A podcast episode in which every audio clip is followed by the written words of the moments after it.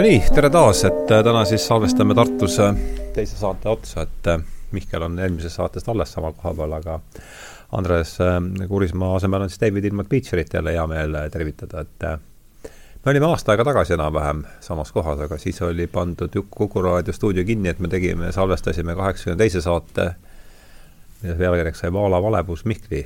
Häärberis, minu Häärberis. Haritlas korteris ja nüüd oleme siis äh, vahepeal on juhtunud veel nii palju, et siis ma ka, oli jutuks, et mis oleks, kui ma mõtlesin, et seda Moby Dicki kursust, on nüüd tehtud äh,, David Ilmar pidas seal ka äh, siis äh, särava ettekande. särava ettekande, just nimelt.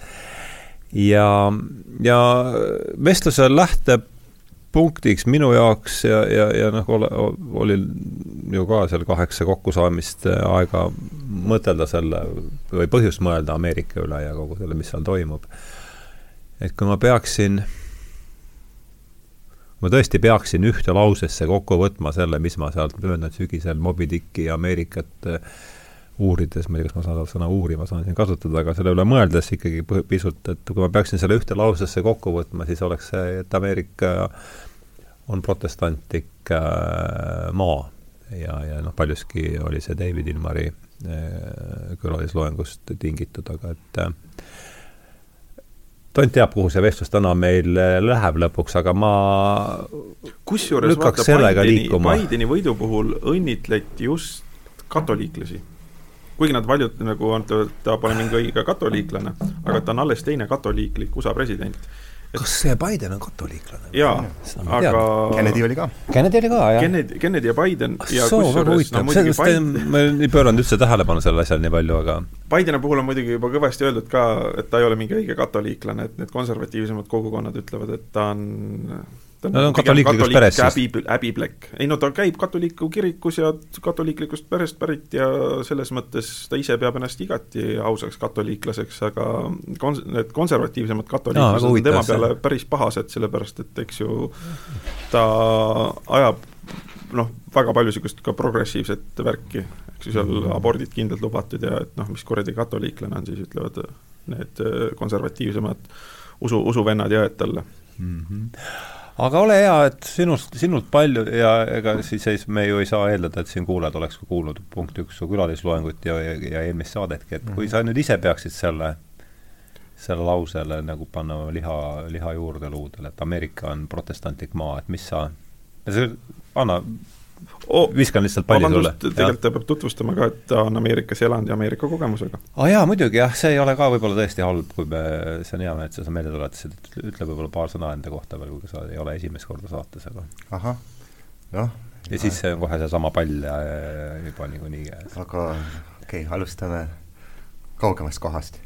et äh, olen Ameerikas sündinud, üles kasvanud äh,, Ameerika ülikoolides käinud, lõpetasin Harvardi ülikooli aastal kaks tuhat siis tegin doktorant, käisin doktorantuuris Berkeley ülikoolis, elasin vahepeal Euroopas, äh, üks aasta Prantsusmaal, kaks aastat Saksamaal, Eestis olen elanud mitu aastat ka, aga ema on Tartus sündinud, siit pärit ja olen sünnist saadik temaga eesti keelt rääkinud, aga isaga alati inglise keelt.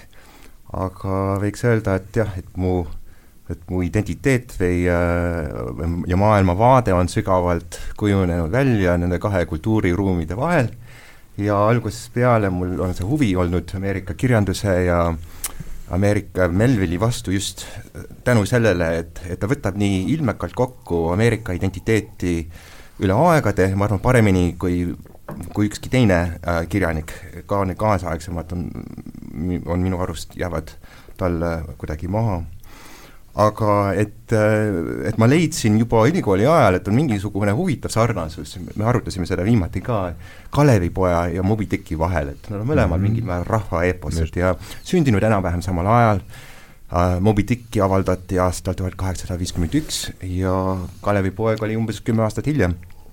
ja mõlemad, võiks siit öelda, on uh, võiks öelda, et nad on mõlemad sündinud soovist anda kuidagi rahvale mingisuguse uh, Äh, põhimõte või vähemalt seda välja tuua ja iseloomustada.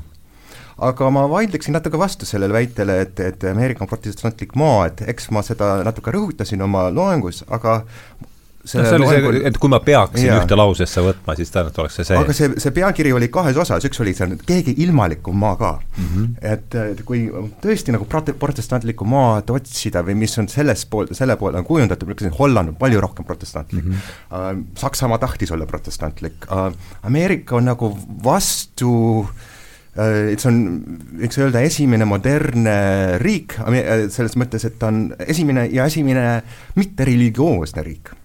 Et see, seda ma tooksin e-, esile, see on, mis on tõesti huvitav nagu Ameerika puhul, et ta ei ole riik ise ei ole, eks ei reli.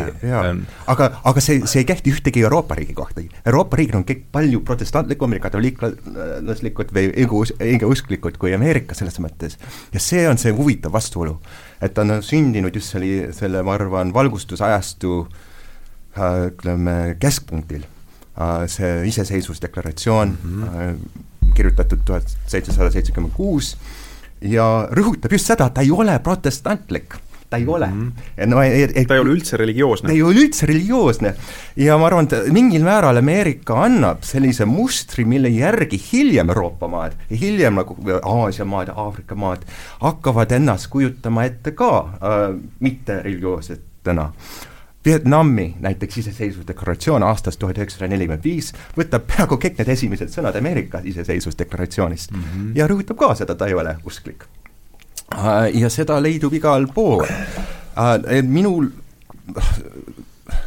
nõndanimetatud äh, särava loengu põhimõte oli just see, just et see protestantism, mida me näeme tänapäeval Ameerikas, on väga hiljuti tekkinud mm. -hmm. see on nagu Teise maailmasõjast saadik, see on külma sõja, külma sõja tingimustel välja kujunenud, et mitte olla nagu Nõukogude Liit Ja. et see Nõukogude Liit on ateistlik, järelikult Ameerika, Ameerika pidi olema religioosne enne seda ta ei pidanud eriti. see on natuke nagu, natuke sarnane, kui Stalin äh, pöördub ja. enne seda, kui sakslased hakkavad Moskva alla jõudma, pöördub ta selle vene õigeusklike juurte poole, natuke on seal minu meelest sama sellist äh, jah, see on väga õige tähelepanek minu arust, see ajab no, kogu selle praegu... teesi natuke keerulisemaks praegu, aga, aga jah, et seda on ka aga... kuidagi tundus see, et ta riimub, aga vabandust, ma tahtnud sind pikalt eksitada, et lihtsalt tähendab, üks, üks rõhutus, mille ma siin eraldi ja. välja tooksin kuulajate jaoks, sest kuna eestlasele tundub Ameerika sageli veidralt religioosne riik, selle in God we trust ja piiblile vande andmine, kui ja. ametisse vannutatakse president ja nii edasi, et siin tuleb lihtsalt seda rõhutada, et ta muutus religioossust rõhutavaks alles pärast teist maailmasõda mm. -hmm. et ta sündinud on äh, väga valgustuslikus mm -hmm. vaimus ja, ja. ebareligioosses vaimus. see tuli, jah mm. -hmm. ta on pöördunud religioosseks et meid, meid võib see ära ehmatada, aga, aga Euroopas on äh, ikka niimoodi, et äh, reli-, sünn-, riikide sünnipära on tihti noh, kuidagi kiriku ja religiooni legi-, legitimatsiooniga, eriti kunagine mm, -hmm. kunagised kroonimisprotsessid. Jaa, ja kui mina ütlesin seda, et Ameerika on protestantlik riik, siis ma ei pidanud ka tingimata silmas nüüd seda, et siit ongi järgmine küsimus, et mida see protestantlik siis äh, tähendab, et ma, kui ma rääk-, kui ma kui mina kasutasin seda protestantismi, siis jah, loomulikult tal on ju selgelt niisugune religioosne noh, kuidas aluspõhi või mm -hmm. aga et ma tingimata isegi mõtlesin protestantismist laiemalt kui mingit sellisest noh, tundelaadist või, või tunde või, või vaimulaadist, et see haakub meie eelmise vestluse lõpuga sealt äh, Äh, me rääkisime Paul Kammererist eelmises saates, ühest USA äh, bioloog, noh, Austria bioloogist, kes käis siis Esimese maailmasõja kaevikutes Briti sõduritele mingit poliittundi pidamas ja rääkis darwinismist ja keegi oli öelnud, ai, et aga see on ju siis, kuidas see oligi, see on äh, teaduslik, see on teaduslik kalvinism, jah. et see range, et just noh, natukene tuua seda, seda protestantismi äh, tähendus piirkonda võib-olla laiendada, et mitte, mitte vaadata seda üksnes kitsalt sellise äh, reformatsiooni lapsena, vaid äh, pigem jah, laiemalt vaimu- ja tundelaadina, et et äh, ja. viskaks siit see on väga põnev ja oluline küsimus ka, millega paljud suured mõtlejad on tegelenud, et mis, kuidas religioon on on no arenenud läbi aegade ja tegelikult andnud mingisuguse vaimuliku või äh, vaimse suuna mm -hmm. inimestele ja riikidele, isegi kui nad kaotavad oma usu.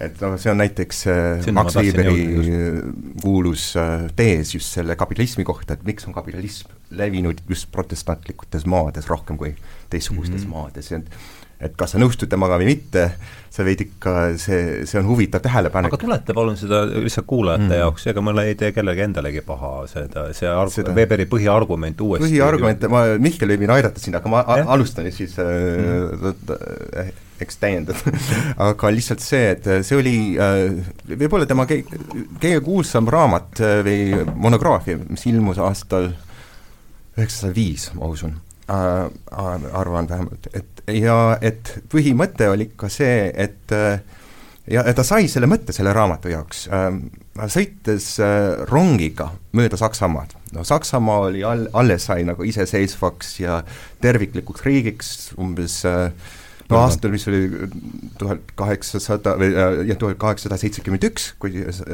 viimaks Bismarck suutis teha Saksamaa, Saksamaa. Ja see oli selline aeg, aga kus need erinevad religioossed piirkonnad olid väga erinevad, eristatud, aga rong, selle, see suur in-, äh, selle tööstusrevolutsiooni sümbol, sidus nad nüüd kokku. Mm -hmm. ja äh, räägitakse, vähemalt see on see lugu selle kohta, et Weber sõitis rongiga ühest linnast teise ja vaatas aknast välja, mis seal toimub ja kui ta no pühapäeval sõitis kunagi, ta vaatas äh, aknast välja, kui ta saabus mingi katoliiklaste külla või, või linna, ta vaatas mitte midagi seal ei toimunud, nad niisama passivad. aga siis ta läks mingi, äh, järgmine linn oli mingi protestantide linn, vaatas, ah seal käib selline suur tegevus ja ja, ja kõik ikka te-, tegutsevad oma äridega ja oma, oma ettevõtlusega ja siis äh, tekkis tal see küsimus, et, et mikspärast, kas on mingisugune kultuuri äh, pärand äh,, mida me võiksime uurida, mikspärast äh, need protestantlikud külad ja linnad on aktiivsemad kuidagi. Äh, Nad on mõlemad sakslased, kõik räägivad saksa keelt, see ei ole küsi-, rahvuse küsimus, oli nagu religiooni küsimus. Ja sealt, sealt tekkis äh, väidetavalt vähemalt tal see huvi selle küsimuse vastu. aga see tees või see, kuidas ta seletab seda ära, et see on ka nagu hästi huvitav äh, psühholoogiliselt, see on tõesti selline psühholoogiline seletus, et katoliiklased saavad käia äh, preestri juures pühapäeviti oma pattude eest äh, noh, pihtimas, äh, pihtimas, pihtimas ja, ja lunastust paluma. ja see rahustab neid mm. -hmm. siis kui nad on äh, pihtinud äh, ja neile öeldakse, et kõik on korras, nad äh, ei näe vajadust enam nagu pingutada selle nimel aga protestantidel ei ole sellist inimest nende elus, nad ei saa kunagi pihtimuse kaudu vabaks oma süütundest, oma, oma predestinatsioon ka rõhub veel osama. noh, ja see, see tuleb, nad, jah, see tuleb ka mängu kohe, aga just see, et, et see süütunne on nendega kogu aeg kaasas ja nad ei saa kunagi sellest vabaks. ja neil on, no nüüd tuleb see sisse, et see, see usk, et kõik on ette määratud, see pred-, predestinatsioon on olemas et kuidas nad teavad, et nad on päästetud või kuidas nad teavad, et Jumal on ikka nende poolt. ja ega nad seda ei tea, aga nad otsivad igalt poolt neid märke. seda ja märke selleks, kinnitust. üks neist kõige olulisemat, olulisematest märkidest on ikka see, et nad pingutavad, nad on aktiivsed, et nad tegelevad, tegelevad ettevõtluse, püüavad nagu kogu maailmale näidata, et nad on edukad. ja see edukuse nagu näitamine Äh, teistele on, äh, on see, see, an-, annab natuke selline, sellist äh, rahu või mitte rahu päriselt, kes rahu kunagi ei saa. jaa, see on nagu, see on nagu mhm. enesekinnitus, eks ju, et kui mul mm, -hmm. ma teen tööd ja pingutan, mul töö tuleb välja, järelikult Jumal ka soosib mind. ja see, see on kalvinismi jaa, põhimõte, jah. ja see, see teisene selleks, et töö on iseenesest lunastava väärtusega see on niisugune eneseteraapia vorm, religioosse eneseteraapia vorm, töö on lunastava väärtusega ja püha. ja sealt tuli ka see näiteks, et ka aadlikud peavad tööd tegema, eks ju, siis nad kinnitavad endale kõik. ja, ja me, meil on siit väga hea üle minna, sest äh, eestlase protestantliku tööeetikaga tegeleb meie kõige suurem ja olulisem kirjandusteos Tõde ja õigus. esimene paralleel, mis see, sellepärast, et no tee tööd, näe vaeva, siis tuleb ka armastus, armastus on lunastus, eks. see on just see, kuidas töö nagu ise lunastab ja Andres, Vargamäe Andres otsib töö läbi lunastust.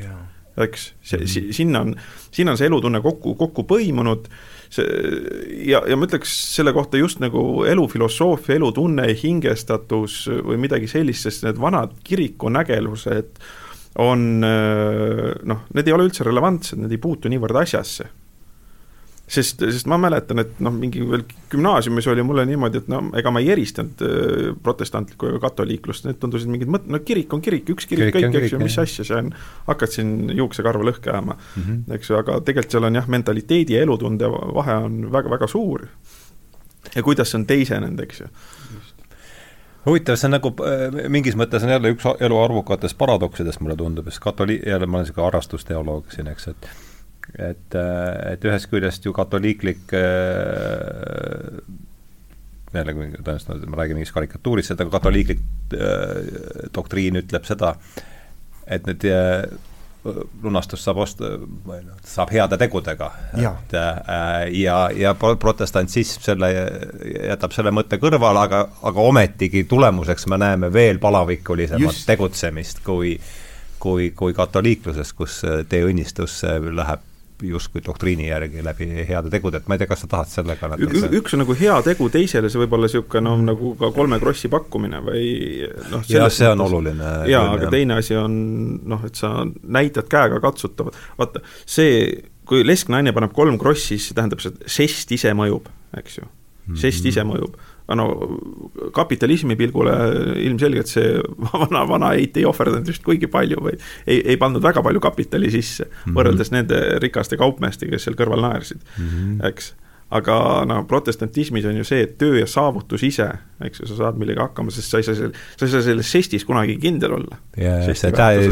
teose tähendus on jah, väga et sa ei ole kindel, et sa ei, sa ei saa kinnitust see kõik jääb selliseks, jääb õhku mingil määral see, see sinu saatus ja sinu koht üldse maailmas ja see on nagu oluline no mingil määral väga peene nagu psühholoogiline tähelepanek, et kui see teadmatus tuleviku mm -hmm. ees ja meie enda saatuse ees mõjub väga sügavalt meile ja no mhm. Veiber pani seda tähele mingil määral ja teised on ka seda pannud tähele, aga, aga see on üks esimestest no, kohtadest, mida ma tunnen nagu lääne tsivilisatsiooni mõtteloos, kus on nii, see mängib nii olulist rolli mingi tõlgenduses, et et võib mõelda, et seda, milles sa oled kindel, mida sa tead, noh see mõjutab sind ühtemoodi. aga kuidas mõjutab see, mida sa määramatus, määramatus. ja, ja ta, ta kasutab väga nagu minu arust väga loominguliselt nagu ära selle, selle määramatuse võimaliku mõju Mm -hmm. aga ma tooksin enne, kui me liigume liiga kaugele siit edasi, lihtsalt välja, et äh, mainisime, kuidas äh, Tõde ja õigus on väga sellele põhimõttele üles ehitatud ja Varga, Vargamäe Andres on tõesti kehastab mingi, mingil määral protestantismi ja protestantismi mõju, aga et kui me alustasime sellega või küsimusega, põhimõttega, et Ameerika on protestantlik oma mm, -hmm. see, ma vastaksin sellele, Eesti on veel rohkem. et mm, -hmm. et, et, et mingil määral ja ma pidasin ettekannet äh, natuke naljapärast, natuke provo-, provokatsiooniks ühe minu äh, äh, äh, kuurilaval korraldatud üritusel paar aastat tagasi, see on, eestlased on ameeriklikumad kui ameeriklased mm. -hmm. just nad seostus selle põhimõttega, et kui Ameerika on protestantlik, oma hoiakuga, võib-olla mitte otseses mõttes, Eesti on veel rohkem selline uh,. just see mõte, et me, me oleme oma õnne säppi ja me saame iga, oma pingutustega saame igale poole, ma ainult me peaksime, tohime ainult enda peale loota, me ei taha naabrit näha, see on väga protestantlik minu arust, et see on nagu väga, nagu väga, see ei ole üldse see soome-ugri kultuuris nagu sündinud eripära. ja väga palju, mida tahe, tahetakse rohkem Eestis rõhutada selle soome-ugri eripära kui nagu eest-, eestlust aga mingil määral veel sügavamal tasemel või veel olulisemal tasemel on see protestantism, mida, mida ei tah-, ei taheta näha, sest on liiga palju sakslastega seotud, liiga palju selle koloniaalvõimuga seotud. aga mis äh,, aga ma olen mitmes asjas nagu väga mõelnud, et vaata, äh, eestlane tegutseb siin täpselt nagu Ameerika ameeriklane on veel rohkem. -hmm. et, et ta ei, ta lihtsalt ei taha äh,, ta ei taha äh, tahab ikka näha, äh, et ta on ise võimalik või et tal on ise see võim käika oma probleeme lahendada, see vastutuse võtmine kõige eest, enda eest ja see põhi, põhimõte ka, et et täiesti see lause, mida, mis on see kõige kuulsam sealt, sealt Tõe ja õigusest, et tee tööd ja näe vaeva, siis tuleb armastus midagi protestant, protestantlikumat ma ei, ma ei kujuta ettegi mm, -hmm. ma, ma ei kujuta ettegi isegi Ameerika, üks Ameerika kirjanik oleks sellise lausega välja tulnud. Ja, ja, ja muidugi tuleb Tammsaare kiituseks öelda, eks ju, ta kriitiliselt polemiseerib sellega. Just. et ta on, ta on see, see kriitiline mõtleja, kuidas tuleb see lunastus see on talle omistatud justkui niisuguseks äh, kivisse raiutud seisukohaks, aga see on jah üks häältest ju jah, ja, ja kuida-, kuidas see vana Andres neab seal näiteks ja võitleb, eks ju, sellega, kord, kord kui sureb Krõõt, kord kui ta tapetakse üks tema poeg, eks ju, ja kord, kui ta saab peksa selle eest, et ta poeg ei ole õigetsi kasvatanud. ja siis ta neab selle jumala ära, eks ju, sest ta on, sest ta on terve elu väga tublilt ja ennastsalgavalt tööd teinud eks, ja jah, õige ka... kolmas osa, see on äh, mõju, see mõju monoloog seal ja,. jah, jah. Jaa aga see on väga hea tähelepanek ka, et just, et suured kirjanikud on suured kirjanikud sellepärast, et nad suudavad neid teisi hääli, neid teisi seisukohti, millega nad ise võib-olla nõus ei ole või uh, nad suureks väga mängida. Su, suureks mängida. see polüfoonilise romaani, eks. just, ja noh, Mihkli lemmiku juurde, Dostojevski juurde, ma arvan, üks põhjus, miks Dostojevski on nii, nii, nii, nii äge no, kirjanikuna, et uh, ta, ta suudab tema vastaseid veel mingil määral veel kõnekamaks teha. Tema enda seisukohalt siin... see on just see, see, mis inglise keeles on steel manning äh, versus straw manning, eks. jaa, ta teeb täpselt õlgmehikeste asemel teeb ta terasmehe, et oma vastase positsiooni arendab nii tugevaks, kui ta ise vähegi suudab. Yeah isegi, isegi sellise määrani, et ta tunneb, et ta ei saa neist jagu. Mis on väga õilis, mis on väga õilis, vaim, väga sügavalt vaimuaristokraatia. aga see on kihvt, et sa kuidagi märkamatult läks jutt Dostojevski peale ja see on, praegu on ju Karamazovit, nüüd eelmine semester oli meil, oli meil Moby Dick, nüüd ongi Karamazovit laual, et no see aasta on niikuinii Dostojevski kahesajanda sünniaastapäeva tähe all see ka veel aga, aga et ma tahtsin sedasama asja nüüd natuke teise kandi pealt õngitseda, et üks on meil see protestandi ja katoliikluse vastuolu, aga eile just, eilsel koondusel seal ma, ma ei mäleta, mis see oli, no see pole tähtis praegu, kellegi tsitaadi ma noppisin sealt välja, tema siis ütleb, et Dostojevskile, tolleaegses Vene maailmas, no ta ütleb, et antipoodiks on äh, Tšernossevski.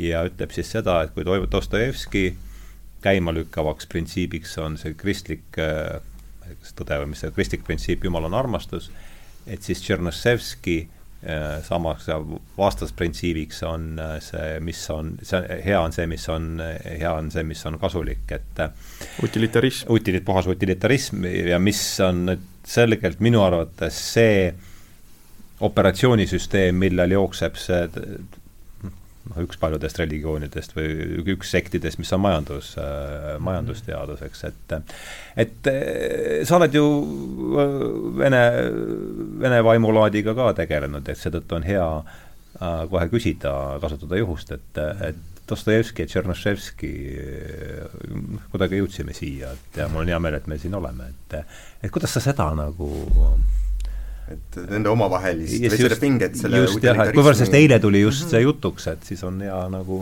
kasutada võimalust, jah. no ma arvan, et väga hea, me tõime utilitarismi äh, vestlusesse, et see teema on, on, on väga oluline just, see haakub väga hästi protestantismiga, kapitalismiga, kõikide nende seni äh, tõstetud teemadega, aga et äh, et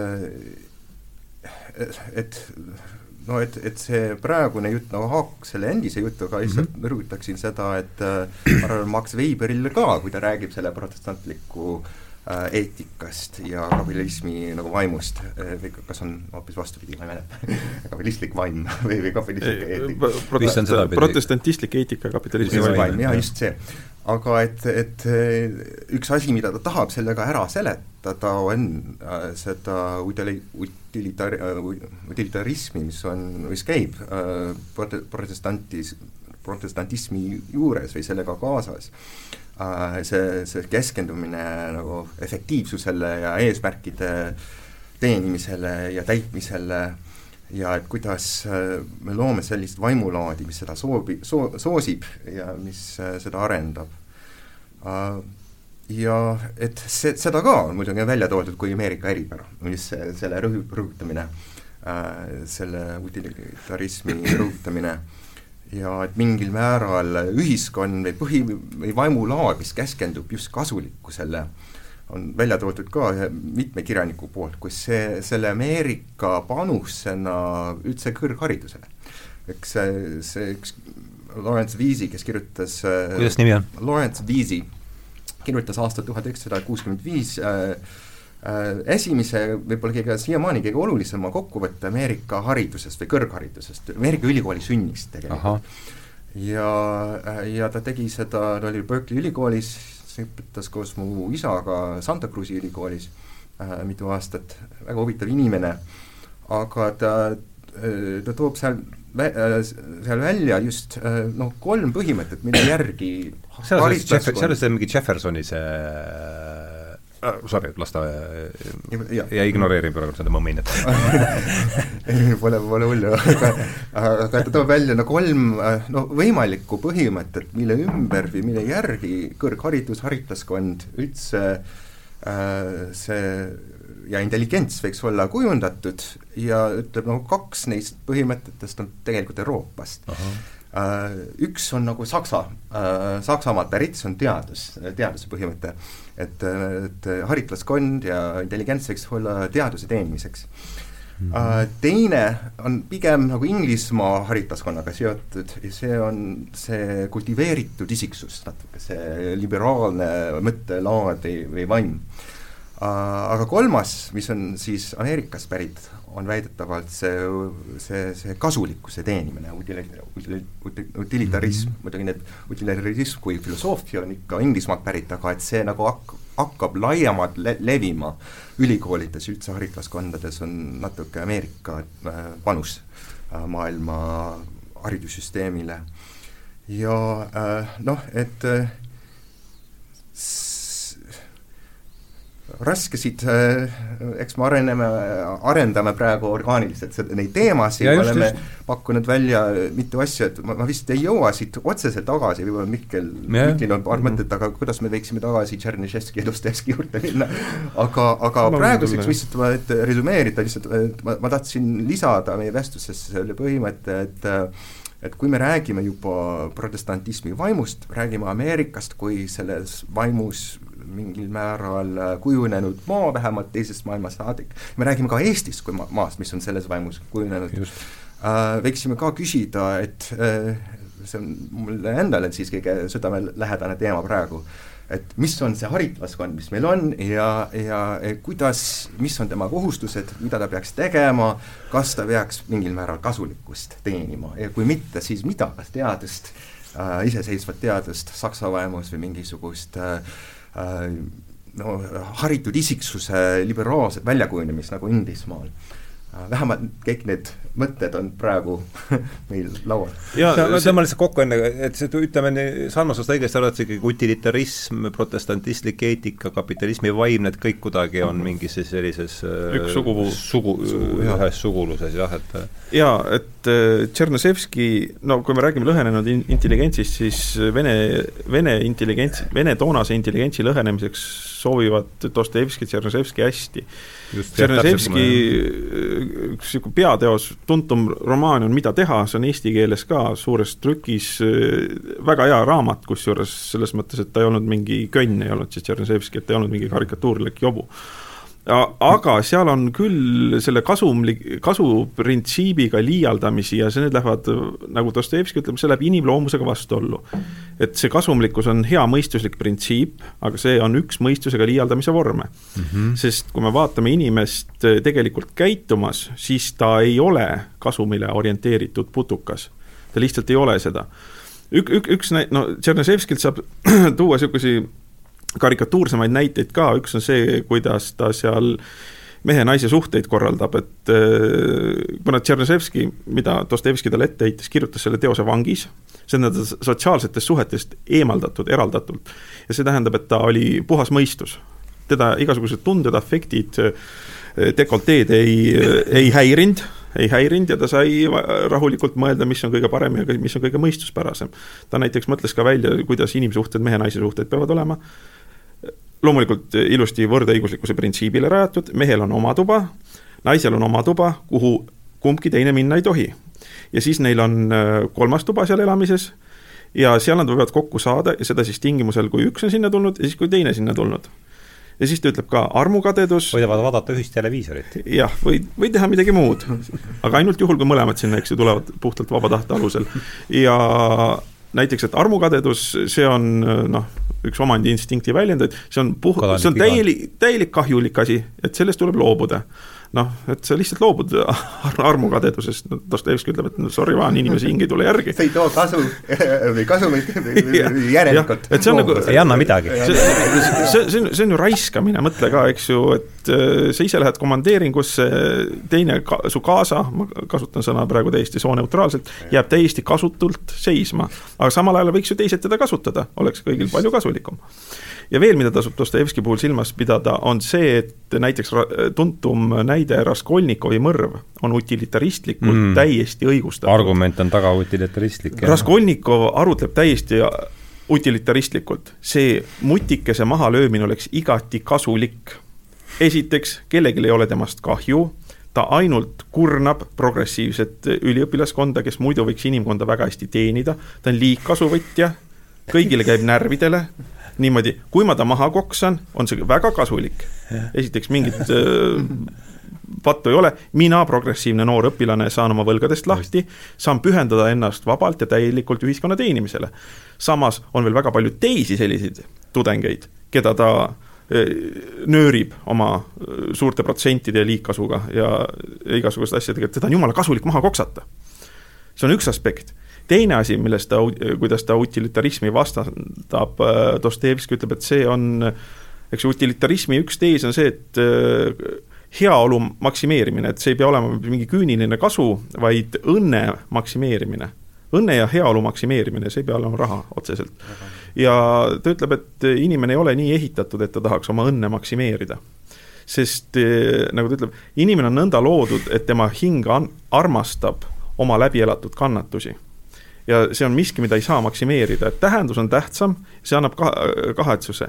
ja noh, näiteks Kolja Krassotkin, üks hingestatud puhta hingega poisik, ütleb, ma tahan kannatada kõige eest. see tähendab, ma tahan maksimeerida enesekannatust maailma hüvanguks. ja sel-, selle koondkujuks on Kristus Mm -hmm. Kristust, kes laseb ennast eriti piinarikkalt, kes laseb ennast eriti piinarikkalt risti lüüa teiste heaolu nimel mm. -hmm. ja kuna kõik, iga indiviid on omakorda ühiskonna üks osa ja tähendab, ühiskond koosneb indiviididest, kes ei taha oma isiklikku heaolu oma rasva nimel pole nagu ligimese armastuseks võimeline, nagu ta ütleb seal ühe et noh, minu kübeke gramm rasva on väärt rohkem kui kõigi teiste oma, ei ole, inimene ei ole lihtsalt selline et noh, me võime tänapäeval ka näha, et äh, kas või mitmesugused, no loomakaitseaktivistid, eks ju, neil on ju päris hea olla aga nad tahavad kannatada näiteks loomade nimel, nad on valmis ennast puu külge siduma, mingeid protestiaktsioone tegema, kriminaalkaristusega riskides murdma sisse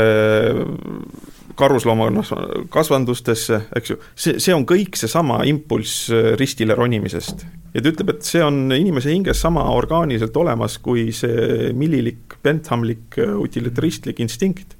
aga, ja me ei saa seda maha lahutada ja loomulikult äh, inimene on ka armukade selles mõttes, et oma lähisuhetes, intiimsuhetes ta ei kalkuleeri nii Exceli tabeliga, vaid äh, sealt tuleb välja ikka niisugune noh, see tähistuslik mina, eks ju. Äh, sest intiimsuhe või lähedussuhe on põhimõtteliselt mitte konverteeritav psühholoogiliselt. aga kasumi maksimeerimise ühik raha on põhimõtteliselt ülikonverteeritav, eks mm. -hmm. et siit tuleb jälle see üks, üks vastuolu ma, ma, ma räägiksin ühe või, päris mitu sõna siia vahele, aga, aga see, see nagu käivitas minus igasuguseid toredaid ja põnevaid mõtteid, et see oli sekku nüüd. väga põnev, et no, no mõelda just sellele, kuidas Tšerniševski äh, kuidas ta loob oma ühiskonnamudelit ja mida ta mõtleb, et on need õiged suhted mehe ja naise vahel, väga, noh, väga põnev nagu neid, neid nagu nii täpselt nagu välja tuua, need eraldi toad ja ja, ja jagatud tuba ka. aga et äh, ma astuksin sellest äh,, selle äh, no, no natuke kaugemale sellest äh,, sellest äh, meie praegusest vaatenurgast ja vaat-, vaataksin, vaataksin uuesti laiemalt. Ja tuletaksin meelde, et no Tšerniševski oma utilitarismiga on ka väga ja kui me mainisime juba, et utilita-, utilitarism on väga oluline nii protestantismile, Ameerika meelsusele, Eesti meelsusele, aga see on väga oluline ka Nõukogude Liidu meelsus. just nimelt, see on, kuhu me jõudsime Moby Dicki saate. ja no muidugi Lenin võtab selle Tšernitševski pealkirja, see Što delat ja, ja mis teha, ja kasutab selle pealkirja ära. ja mingil määral tema on võib-olla üks kõige rohkem no Nõukogude suurkujudest, neist, kes on, usub selle utilitarismisse ja et, et kes tahab seda kuidagi rakendada, nii Nõukogude Liit, Eesti Vabariik ja Ameerika Vabariik on kõik mingil määral ühi-, üles ehitatud põhimõttel, et me peaksime nagu kasumit teenima või me peaksime äh, seda utilitaristlikult, äh, benthemlikult äh, lähenema maailma probleemidele ja ühiskonna probleemidele, me peaksime taotlema sellist ühiskonnakonda, mis toob kõige rohkemat või kõige palju, äh, kõige rohkem mis on head kõige rohkematele äh, inimestele. et igaüks on omamoodi selle järgi äh, suunatud või kujundatud. erinevad meetodid. erinevad meetoditega, muidugi. meetodid on erinevad, aga siht on sama. siht on ikka mingil määral sama ja see ei tohi nagu unustada ära, et seda, seda ühist, seda ühist mm -hmm eesmärki või aga mida Mihkel nagu tõi välja veel, mida ma, mida ma tahaksin lihtsalt äh, no, edasi arendada, on see mõte, et et äh, sellest äh, lõhestunud intelligentsist ja kuidas Dostojevski vaidleb Tšerneševski seisukohtade vastu, tahab näidata, kuidas kuidas see, see vaimne heaolu või, või, või, või, või siht on hoopis midagi muud inimene ei ela üksnes leivast. ta ei ela üksi, jaa, äh, lei-, äh, leivast ja ta ei see on kolm ta, kiusamist. ja tal on, tal on palju, midagi enamat, mis, mis teda käivitab, mis, mis teda ajab. mis on mulle nagu põnev siin puhul, võiks mõelda, kuidas nii no Venemaal äh, kui Eestis kui Ameerikas need kirjanikud, need suured kirjanikud on väga sageli sellised inimesed, kes on võtnud mingisuguse kriitilise seisukoha just selle utilitaristliku meelelaadi vastu. et nad on püüdnud näidata, kuidas see kasumi teenimine, tootmine ei ole see ainuke või kõige olulisem asi, millega ühiskond või hariplaskond peaks tegelema. ja Aga... see nüüd, ma, ma lõpetan lihtsalt ära, et äh, joon nagu lõpuks nagu selle minu suure teesile või teemale, mida ma natuke arendasin siin Eesti mhm. Vabariigi mm -hmm. aastapäeval, oli lihtsalt see, et et, et me võiksime mõelda ka, et, et kas, millega see Eesti intelligents peaks praegu tegelema kui ta tegeleb ainult kasumi tootmisega äh,, mingi majandusliku äh, edu suurendamisega, ekspertiisi lävitamisega erafirmadele ja riigile, siis ta teeb täpselt sedasama, mida Tšernševski nagu tegi äh, mhm. Venemaal. ta ei äh,, ta, ta peaks nagu Dostojevski hoopis selle käik nagu küsimärgi alla sättima ja, või vähemalt tooma välja neid äh,, neid, mida mina nimetaksin, neid miks-küsimusi, mitte kuidas rohkem toota mm, -hmm. aga mikspärast me üldse toodame. kas meil on vaja seda asja toota, kas see toob meile, meile suuremat äh, kasu, et kui meil on äh, sada korda rohkem, ma ei tea, dok-, äh, doktorante näiteks. et, et meil on väga sageli, ma leian, nagu meie praeguses ühiskonnas, nagu oli Nõukogude Liidus, nagu oli ka Eesti Vabariigis äh, kahekümnendatel aastatel, me unustame ära neid miks-küsimusi küsida, me küsime ainult kuidas, kuidas rohkem teha ja ma vaatan ka, nagu ma arvan, et e-, Eesti haritaskond praegu vähemalt äh, loodustead-, teadus on, ma arvan, on natuke rohkem võib-olla see, see mõttelaad nagu levinud. aga me oleme eksper-, eksperdid, mis täidavad, täidavad seda riigi või mingi projektide tellimust mm. -hmm. Et kui ülikool on ainult mingi projektide ja riigi tellimuse täitja, siis ta kaotab oma kõige olulisema rolli. mis on see, et ta püstitab raske küsimusi, millele riigijuhid ja projekti taotlejad äh, äh, ei taha vastata või ei taha näkku vaadata. no riik finantseerib kogu asja ja riik ei taha no, praegu need, ei, ei taha neid küsimusi praegu on see rahvusvahelised äh, rahad, aga ei. mõlemad on sellised nagu kahtlased allikad finantseerijad ei taha neid küsimusi kuulda, nad taha. tahavad kuulda ja. küsimusi no see on siis igavene vastuolu. see on igavene, igavene vastuolu, võib-olla ei saa, aga tuleb seda lihtsalt meeles pidada, et et me ei loo sellist Eestit, mida me tahtsime kui me kogu aeg nagu täidame äh, käsku niimoodi või või, või, või kõik teevad seda, äh, mida projektid ja, ja, ja juhid nende käest nõuavad aga see on väga huvitav, mul hakkab see utilitarismi pool järjest enam, enam huvitama, sest noh, ma olen täiesti veendunud, et või mul ammu oli niisugune tunne, et, et majandusteadus on üks uuema aja religioonidest, noh, ta annab mingi niisugune, üks nendest, eks, aga ta annab mingi sidusa loo ja siis pluss on no, teleuudised, kõik vaatavad, et kuhu üks üks, las ma lõpetan, üks või, üks või teine indeks hüppas sinna-tänna ja siis saab selle ümber jarutada ja saab see, noh, ühesõnaga seal ta loob mingi, teeb mingi ühise loo, mille raames saab siis eh, niimoodi jorutada aga et, et see sõidab sellel utilitaristlikul äh, platvormil ja, ja ka enne ma annan sulle selle sõna tagasi, et et huvitaks see, et kuidas, kuskohast see ut-, ega utilitarism ei hüpanud ka välja ju kusagilt äh, tühja koha pealt, et noh, Bentami nimi käis siit läbi, et ma tahaks järgmisena sinna suunata, aga et seda, sul oli vahemärkus seal? mul tuli lihtsalt, et kui sa ütlesid, et äh, majandusteadus sõidab äh, teoloogilisel alusel. jah, ütleme siis kõigepealt filosoofilisel lihtsalt... ja see on omakorda teoloogilisel. jaa, mulle tuli meelde lihtsalt üks huvitav kujund, mida Märt Väljataga kasutas, et majandusteadus on täppisteoloogia. see on hea väljend jah, täppis, see on hea, sellega ma olen nõus. näed, kohe pealkiri olemas. aga mm -hmm. see mis mõttes?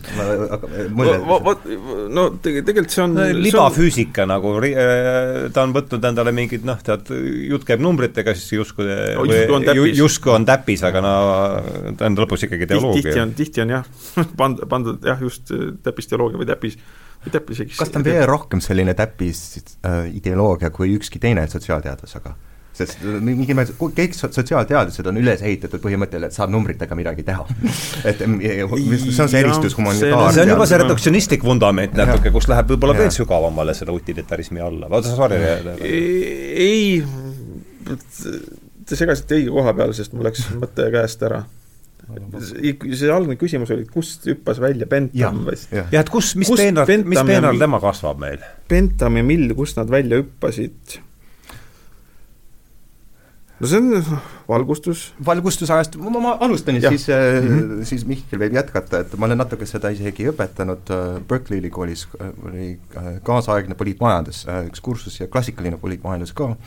klassikalises poliitmajanduses käsitletakse neid kui mingil määral suunarajajatena äh, Äh, et Bentham oli tegelikult James Milli suur sõber, James Mill oli siis isa. John Stuart Milli isa mm. -hmm. ahah, Bentham ja vana Mill olid sõbrad, jah? jaa, et nad olid siis kaheksateistkümnenda sajandi lõpus, üheksateistkümnenda sajandi algusel, nad püüdsid, see oli väga, ütleme, selle valgustusajastu vaimus, äh, tahtsid luua sellist ühiskonda, mis ei oleks enam vanade väärtustel üles ehitatud, mis mm -hmm. ei mhm. oleks kummitsetud või äh, johheldatud mingi religiooni äh, äh, traditsioonidest äh,, mis oleks ratsionaalne. Äh, ja võiks öelda, rõhuasetus Prantsusmaal ja Inglismaal on natuke erinev, et, et eks Prantsusmaal oli ratsionalistid ja ja, ja Inglismaal oli em-, empiristid, need, kes nagu keskendusid just sellele, mis on silmaga nähtav, jah. käega katsutav, silmaga käega nähtav. katsutav, et ja aga mõlema, või ükskõik, kust nad olid pärit, ma arvan, et see rõhu,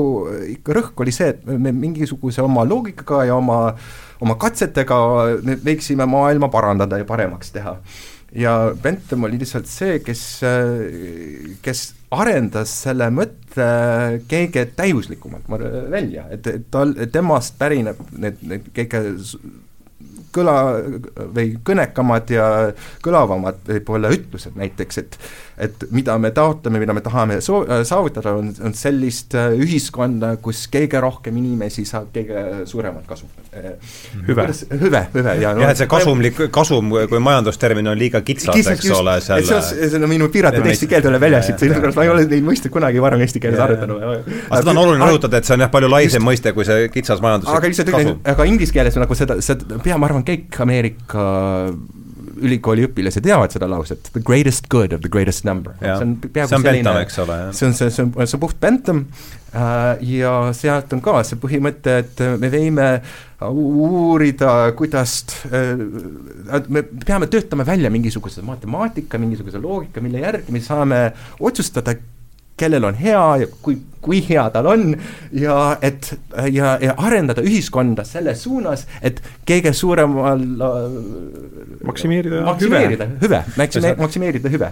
no seal taga on, eks ole, see, et meil tuleb paratamatult ühiskonnana lahe, langetada suuri ühiskondlikud valikuid ja me peame kuidagi eks siis ju mingi mõõdupuud või ja, mingi protseduuri paika panema, kuidas me seda teeme ja, ja ma kujutan ette, et utilitarism on üks katse siis seda.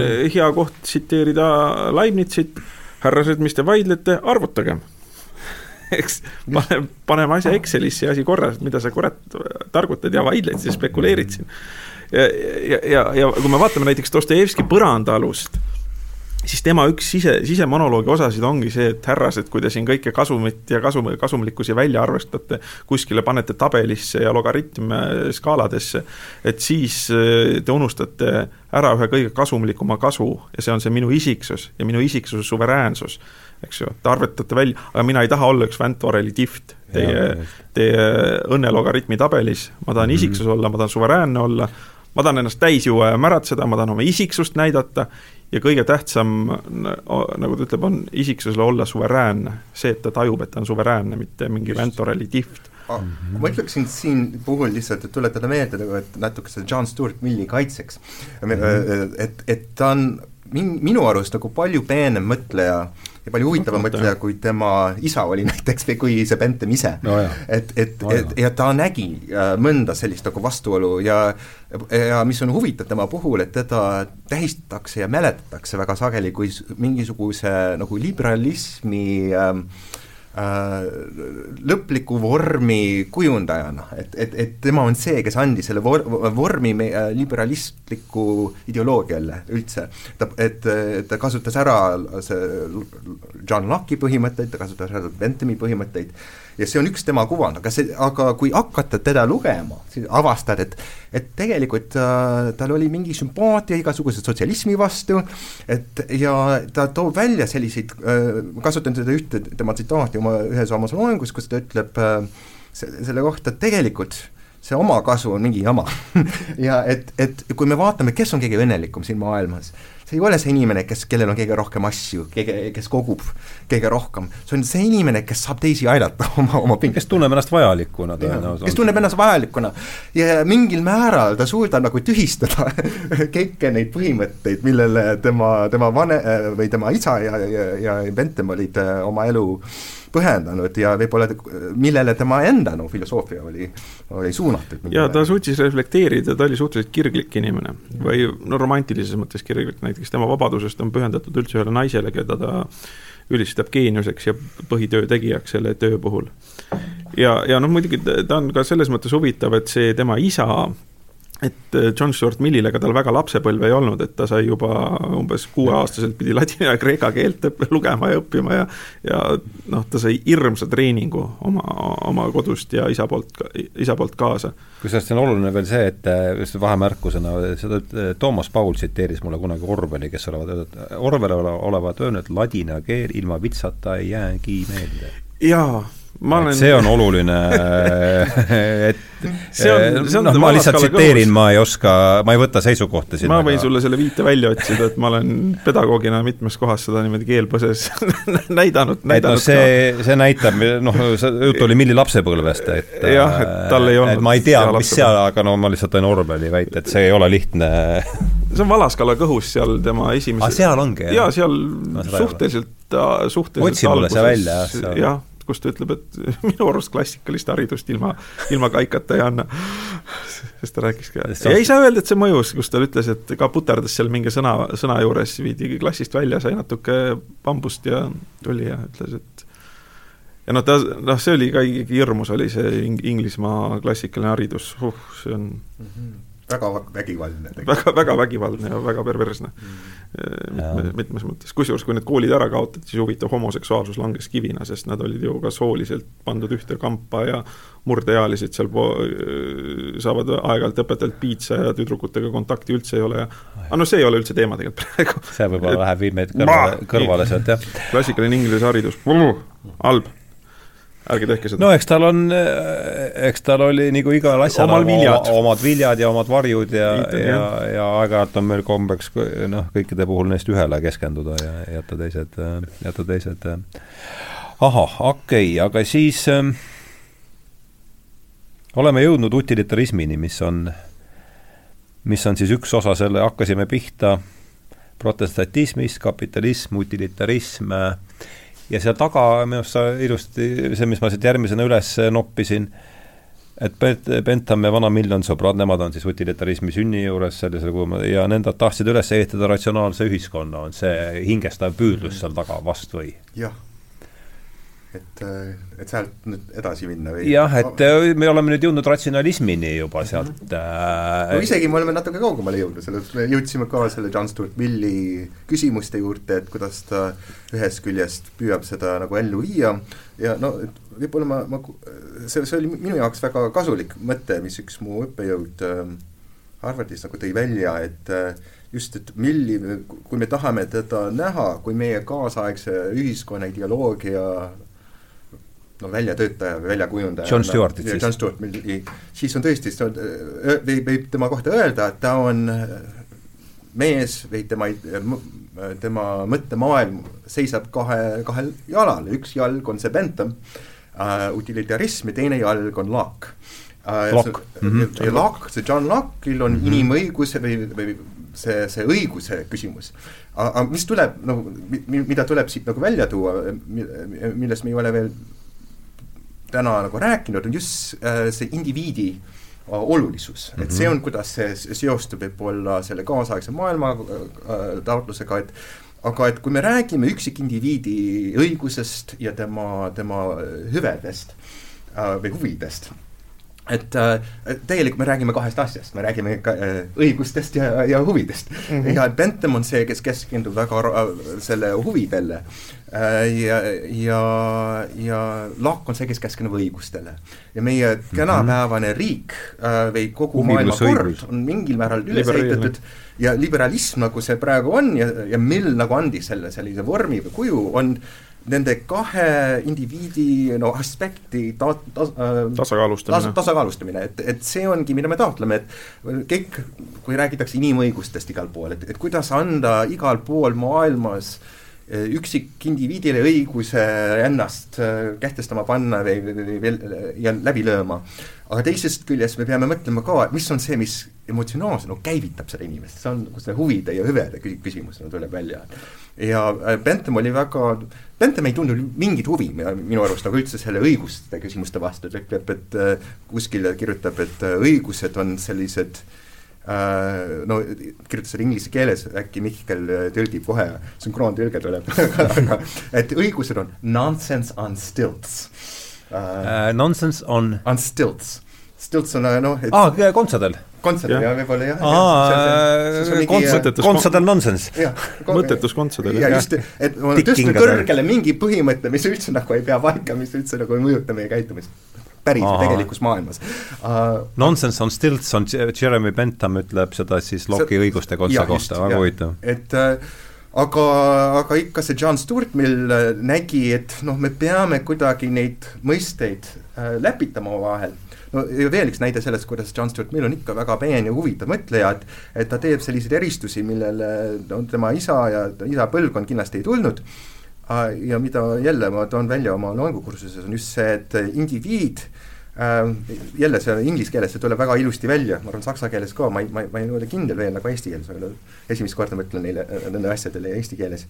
aga see on see individuality on üks sõna mm, -hmm. individualism on teine sõna. individualism nagu see, sa taotled see indiviidi äh, hüvesi või ja aga individuality on su nagu individuaalsus. individuaalsus on õigus olla erinev. ja kui me räägime indiviidist, see on kaks eri aspekti nagu indiviidi äh, väärtusest või tähendusest maailmas, et et indiviid tahab olla, tahab, et tal oleks õigus olla nii, nagu ta tahab olla, mitte, mitte nii, nagu mingi kõrgem võim äh, ütleb, et ta peab olema. mis on juba ise, ise... protestantistlik printsiip natuke, eks, kas mitte, sorry. võib-olla, ma ei tea. vaata, üks on tasalülitav ja teine on eristav eks ju, kui me räägime noh, et mak-, maksimeerida hüvesid ja siis see ongi see, et individuaalsus läheb kaotsi, mille vastu Dostojevski ka protesteeris. ja see ongi mm. nagu meie isegi liberalismi ja kapitalismi sees, kui me elame sellises maailmas, see pinge oli juba Milli poolt nähtud äh, ja nähtav, ütleme seal üheksateistkümnenda sajandi keskpaigal, et mida rohkem me maksimeerime hüvesi, seda rohkem me summutame ka seda võimalikkust olla erinev et äkki, kui ainuke liik, mis jääb ellu, on see, mis teeb, käitub ühtemoodi, tegutseb ühtemoodi, teenib kasumit ühtemoodi, kõige efektiivsemal moel. maailmas kaob ära. no see on just see, mis käis äh, siitsamast äh, viimasest lehest äh, Vii-, Viivi Luigaga intervjuust, et me räägime siin palju, minu meelest ta ka väljendas veel väga ilusti, et me räägime siin palju Siili käekäigust ja ja laululinnu saatusest ja et et äh, noh, üksikud loomaliigid eh, kaovad, aga et tänu hariduse ühtlustamisele juhtub sama ka inimtüüpidega, et sellest väga palju ei räägita. ja, ja kõige eh, pentsik, see, mis mind on pikka aega äh, või noh, kas nüüd pikka aega, mõnda aega ikkagi pakkunud huvi, et et kogu selle äh, kroonu ametliku mitmekesisuse ideoloogia taga, me näeme ikkagi järjest rohkem sellist ühe, ühetaolise, ühetaolisuse kust tulevad massiülikoolid, massikoolid, massiharidusasutusest, efektiivsuse taotlusest ju? noh, mis on teine utilitaristlik äh, printsiip. eks sealt see tulebki ja noh, Dostojevski oli ka suur individuaalsuse ja isiksuse kaitsja. ja sellepärast on ka tema romaanide tegelased kõik äärmiselt mitmekesised terviklikud isiksused. ta on suur isiksuse apologeet. just mm. -hmm antitotalitarist nagu. antitotalitarist jah, aga noh, see on efektiivsusega vastuolus. mis on ka mingil määral omamoodi kapitalismiga nagu vastuolus, et see ja, on nii, et see ongi, ja see on see koht, kus see Melville jälle saab meile väga kõnekaks, et ta Aha, räägib väga huvitav, räägi see no, no, ma räägin, kuidas see haakub kogu selle jutuga, et et vaata, et, et ta toob välja, et seal laeval, seal Pikwadil on nii palju erinevaid mm -hmm. inimesi, igast mm -hmm. rahvusest, iga mõttelaadist ja annab igaühele võimaluse oma hääles rääkida, igaüks tõlgendab neid asju, mida nad näeb oma, oma sõnadega ja oma mõttelaadi järgi. aga oht on see, et see Ahabi põhimõte õhtlustab kõike, et see, see viib neid kõike ühe suunas, see summutab neid erinevaid hääli, tema no see võiks teda võrrelda just sellise totalitaristliku juhiga, aga ta on ka selline kapitalist ja ettevõtja.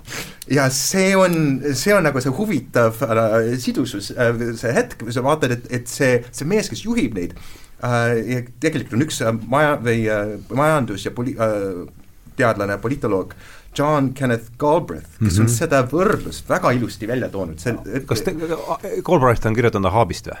Ei, mitte ah, sellest, aga okay., et see on, see on see, see, see põhimõte siin okay. just, et äh, ta kirjutas viiekümnendatel või aastatel või kuuekümnendate algusel just sellest, et kuidas kommunistlik partei on väga sarnane ettevõtluse äh, no jaa, sest vaata, ta tahab et, ju riigi kasumit äh, maksimeerida. maksimeerida, mõlemad, kuidagi see, kuidas kommunistlik partei toimib ja kuidas mingisugune ettevõtluse äh, koosseis nagu toimub mm, -hmm. toimib, on väga sarnane. Nad ei jaga informatsiooni alluvatele, nad püüavad nagu no, omavahel nad on demokraatlikud, aga teistele nad, nad, nad ei jaga, nad, nad ei püüa neid nagu kaasata ja eesmärk on alati, et seda efektiivsust tõsta ja et hierarhia on väga suur ja väga kõva ja tuleb alati rohkem salata, kui nagu, kui jagada. jaa, sest hierarhia on ka efektiivne ju, noh, see on see põhjus, miks ta sõjaväes on alati nii range.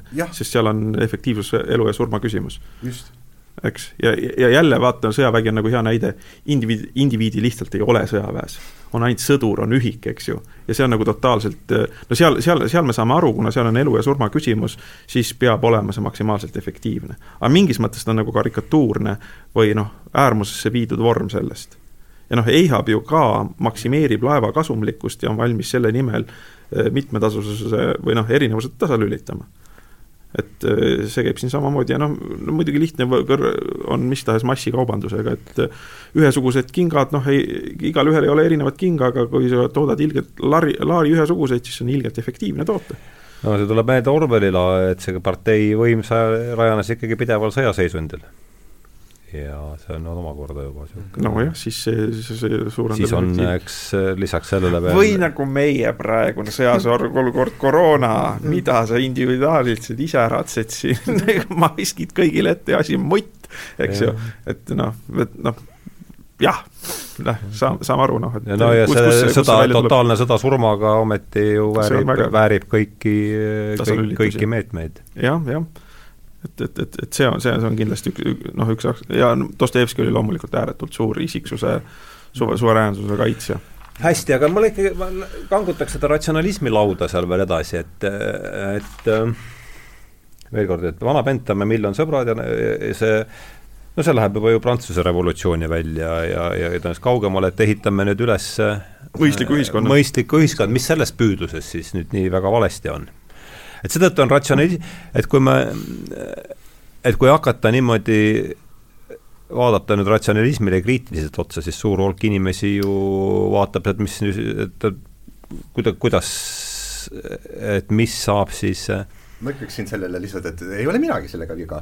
et tegelikult äh, kogu meie modernne ajastu on üles ehitatud sellele, et me võiksime olla paremad, kui me olime minevikus, progress saab oluliseks mõisteks just kaheksateistkümnendal sajandil mm, -hmm. see põhimõte, no see, see, see murrang maailma ajaloos on mingil määral just see kaheksateistkümnes sajand, äh, kus sõnad saavad uue tähenduse, näiteks sõna mm -hmm. revolutsioon mis varem tähendas selline tagasipöördumist, tagasipöördumist või, või keerlemist äkki hakkab tähendama edasiliikumist ja progressi, murrangut, mis on enneolematu, et et see, see mustripärane, see keerlemine saab hoopis selliseks enneolematuks murranguks.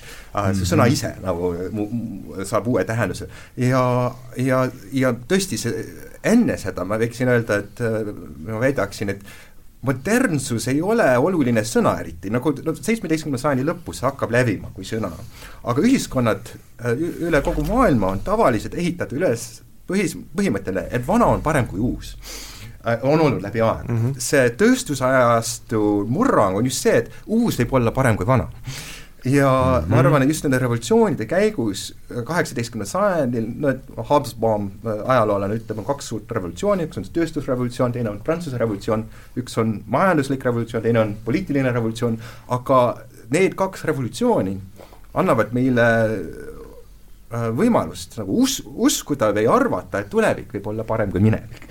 ja kuidagi, et me võime kujundada ümber ühiskonna ratsionaalselt, et see oleks parem ja ma arvan, et on palju selles, milles äh, võime uskuda, milles me võime tegelikult väga palju, paljusid no erinevaid ideoloogiaid on selle, sellele üles ehitatud. Äh, nii liberalism kui sotsialism kui igasugune natsionalism on mingil määral üles ehitatud põhimõttele, et me võiksime parem olla, kui me oli, olime. ja mida veel Weber välja tõi, Weber pani tähele seda, et sellega käib kaasas äh, bürokratiseerumise kasv mm, -hmm. siis bürokraati, bürokraatia aluseks on ratsionaalne printsiip et see paneb selle vohama, eks ju. ja, ja, ja muidugi tuleb ka bürokraatia kaitseks öelda seda, et on teatud laadi lihtsad probleemid. lihtsate probleemide lahendamiseks on selline toestatud äh, mehaanilisus tõepoolest hea, eks ju, paindlikkus lihtsalt kaob ära. aga mis, mis on ratsionalismi häda, siis ma, siin ma võiks jälle Äh, tsiteerida Dostojevski põrandaalust, kes ütleb, eks ju, et see rahuldab ainult mõistuse potentsi, aga mõistuse potentsid on ainult kakskümmend minu potentsidest, aga mina olen elav organism ja ma tahan rahuldada kõiki oma potentse. kaasa arvatud neid, mis on täitsa irratsionaalsed, näiteks armukadedus või see, et ma tahan täis juua ja laberdada ja olla ohjeldamatu mm -hmm. ja just olla mittemõistuspärane. on üks no, kuulus... ja suveräänne isikupärane ka.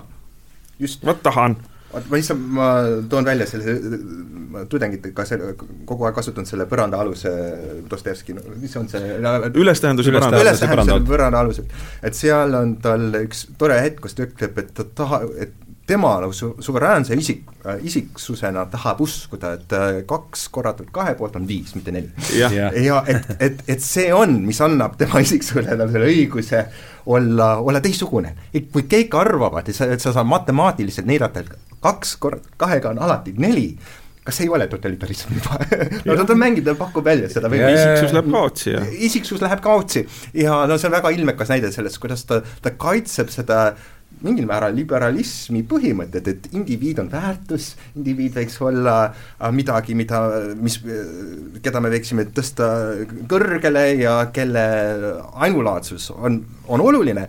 Ja, ja, ja ütleb, kas me ei ohusta seda sellega, me oleme nii teadusele keskendunud, me, me, me, me võtame teadust kui mingisuguse seadus see pärase äh, no, korralduse meie, meie elus Mm -hmm. ja, ja kui tahad, tahta ühendust Schopenhaueriga siia tuua mm, -hmm. siis Schopenhauer oli ju see, kes ütles, et elu juhib pi pime tahe. just eks ju. mis ei ole mõistuspärane. ja mis ei ole, just nimelt, et ei ole mõistuspärane tahe, no me võime praegu öelda, need on meie mingid tungid või instinktid või jah, see peab oluline, see ta-, seda tahet laiendada natukene, et see ja, on mingi niisugune et, et mingi vitalistlik printsiip siis või, või, või kuidas sina saad siis no, Schopenhaueri tahte jah, olemistahe, tähendab, me võime seda naturaliseerida niimoodi, noh nagu Schopenhauer, kuna ta tuli saksa romantilisest traditsioonist mm -hmm. ja siis äh, oluline on see, et äh, nad kõik panid tähele väga hästi loodust eks ju, ja nad olid head naturalistid selles mõttes, et nad vaatasid teisi eluvorme, kuidas oli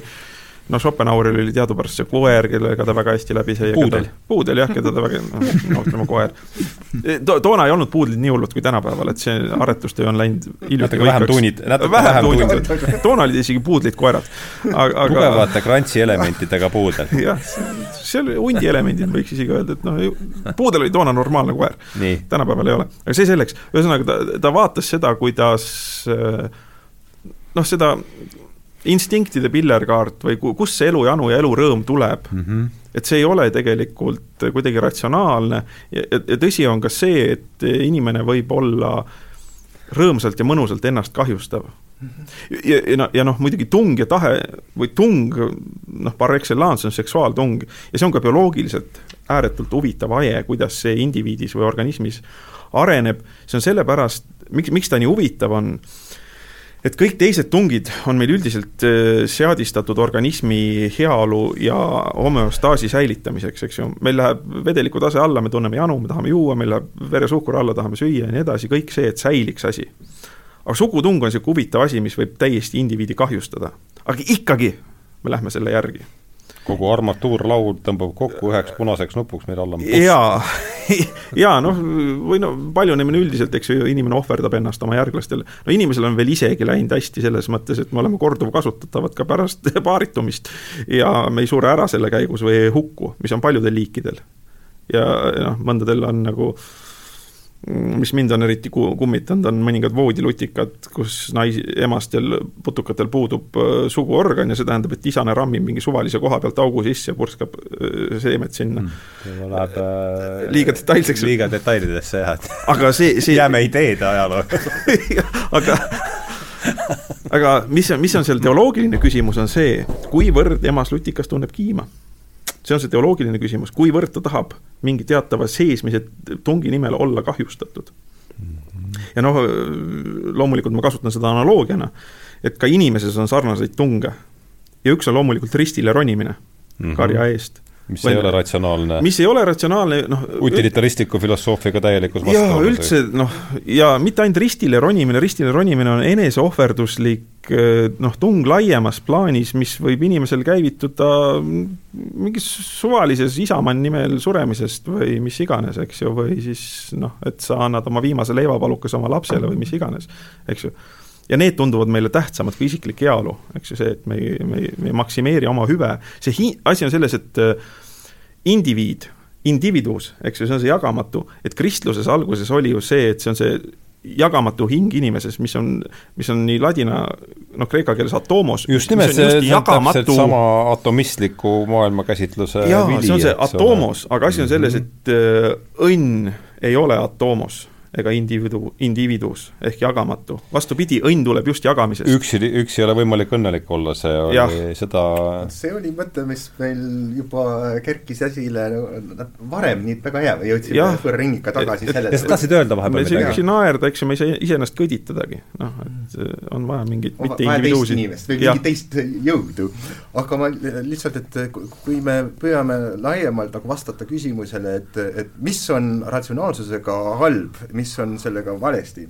jah, no mis on ta var-, mis on ta varjupool, selge, et tal on ja kuidas äh, noh, kuidas see arusaam, et äh, on midagi ohtlikku seal, kuidas see üldse hakkas levima? Äh, küsisid alguses mm -hmm. selle Schopenhaueri kohta, ma, ma otseselt Schopenhaueri kohta ei hakkaks midagi ütlema, piisavalt ei tea, aga ma tooksin välja selle tema ajastu, selle romantismi ajastu, et, et äh, üks suur mõttelooline mõiste, mida me võiks esile tuua siin, on romantism üldse. No.. ja kui no, kuidas see sellesse pilti läheb, läheb? ja romantism on, ma olen sageli mõelnud, et kui ma peaksin valima ühe ajastu või ühe aja üldse Euroopa ajaloos, võib-olla üldse maailma ajaloos, mis oleks mulle kõige põnevam ja huvitavam, kus nagu ise elada ja ja kus tundub, et kõik on avatud, kõik võimalused, on ikka see romantismi ajastu, see on kohe siis üheksateistkümnenda sajandi esimesel mis on nüüd val-, reaktsioon valgustuse mingil määral küll, see on, võiks öelda, et see on ühest küljest, see on selle sa saad välja teha ka seda reaktsiooni. just, just jah, noh, see väga nagu see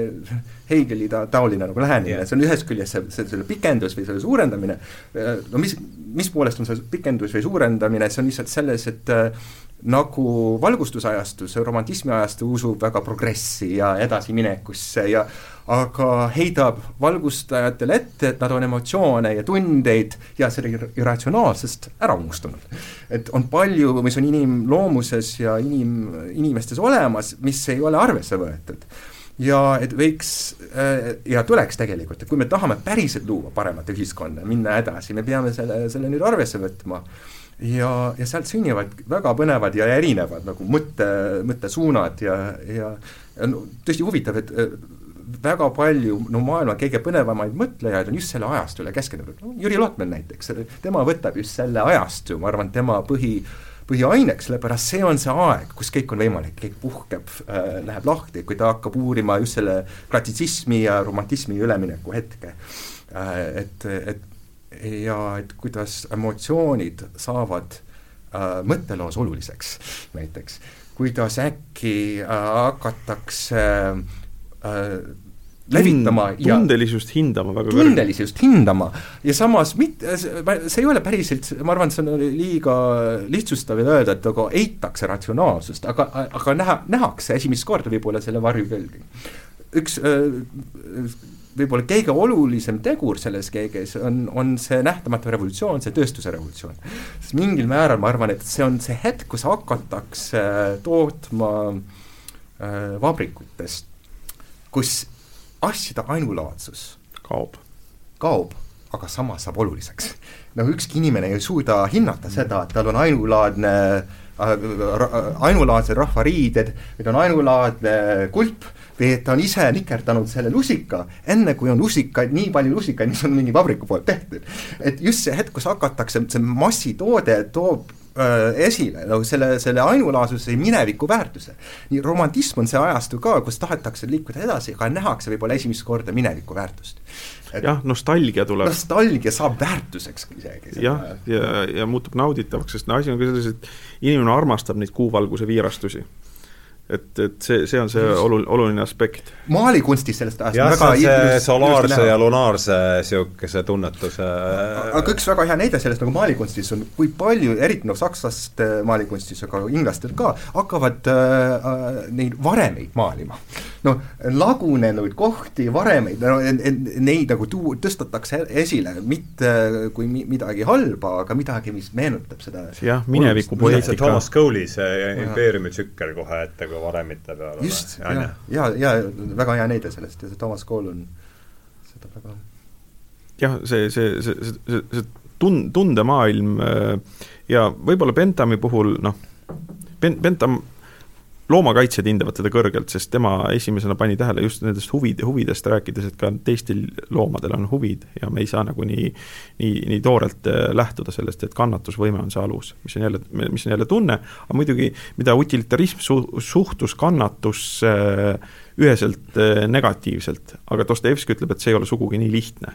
et noh, nagu Dostojevski meetod oli, et pane tähele psühholoogilist fakti väga hea meetod, mida soovitan kõigile, pane tähele psühholoogilist fakti või ole, ole psühhofenomenoloog.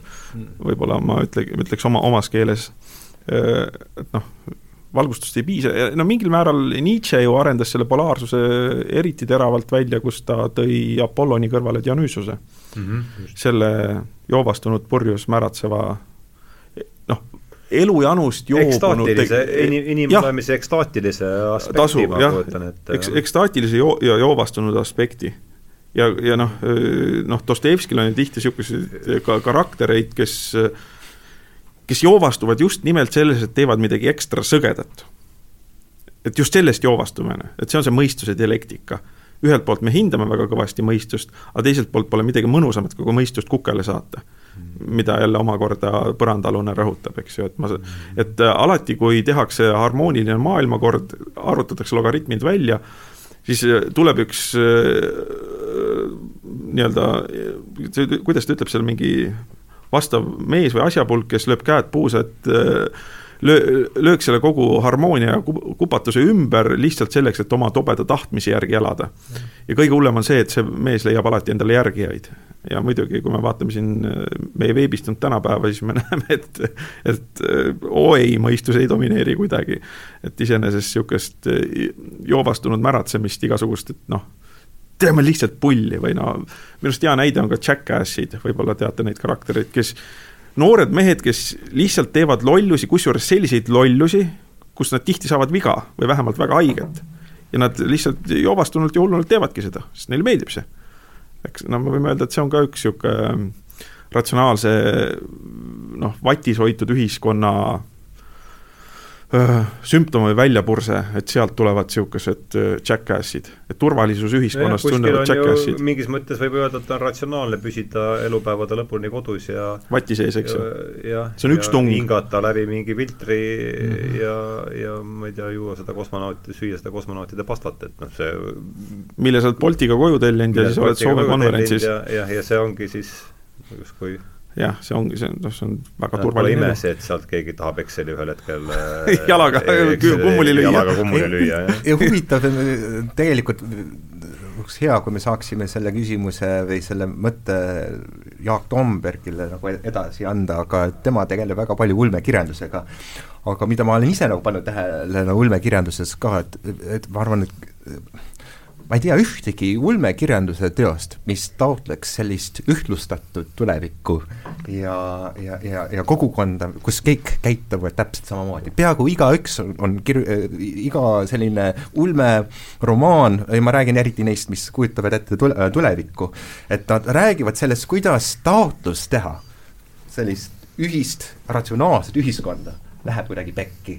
mitte sellega nad ei saavutaks seda, tavaliselt ikka saavutad seda, seda eesmärki, aga kuidagi selles saavutamises me kaotame, mis on kõige väärtuslikum inimkonna juures. see kipub olema üldine. see on, see ongi midagi, mis Orwellis on olemas, mis äh, Huxley Brave New Worldis, mis äh, julge uus maailm, ei, uus uljas maailm. uus uljas maailm uh, ja siis uh, ja uus ilm on küll vist see raiutud, see, aga jah, see võib mm -hmm. mängida ümber. ma ei tea, see võõras võõra, võõral maal äh, on igasuguseid neid romaane ja neid käsitlusi. sinna, eks ole.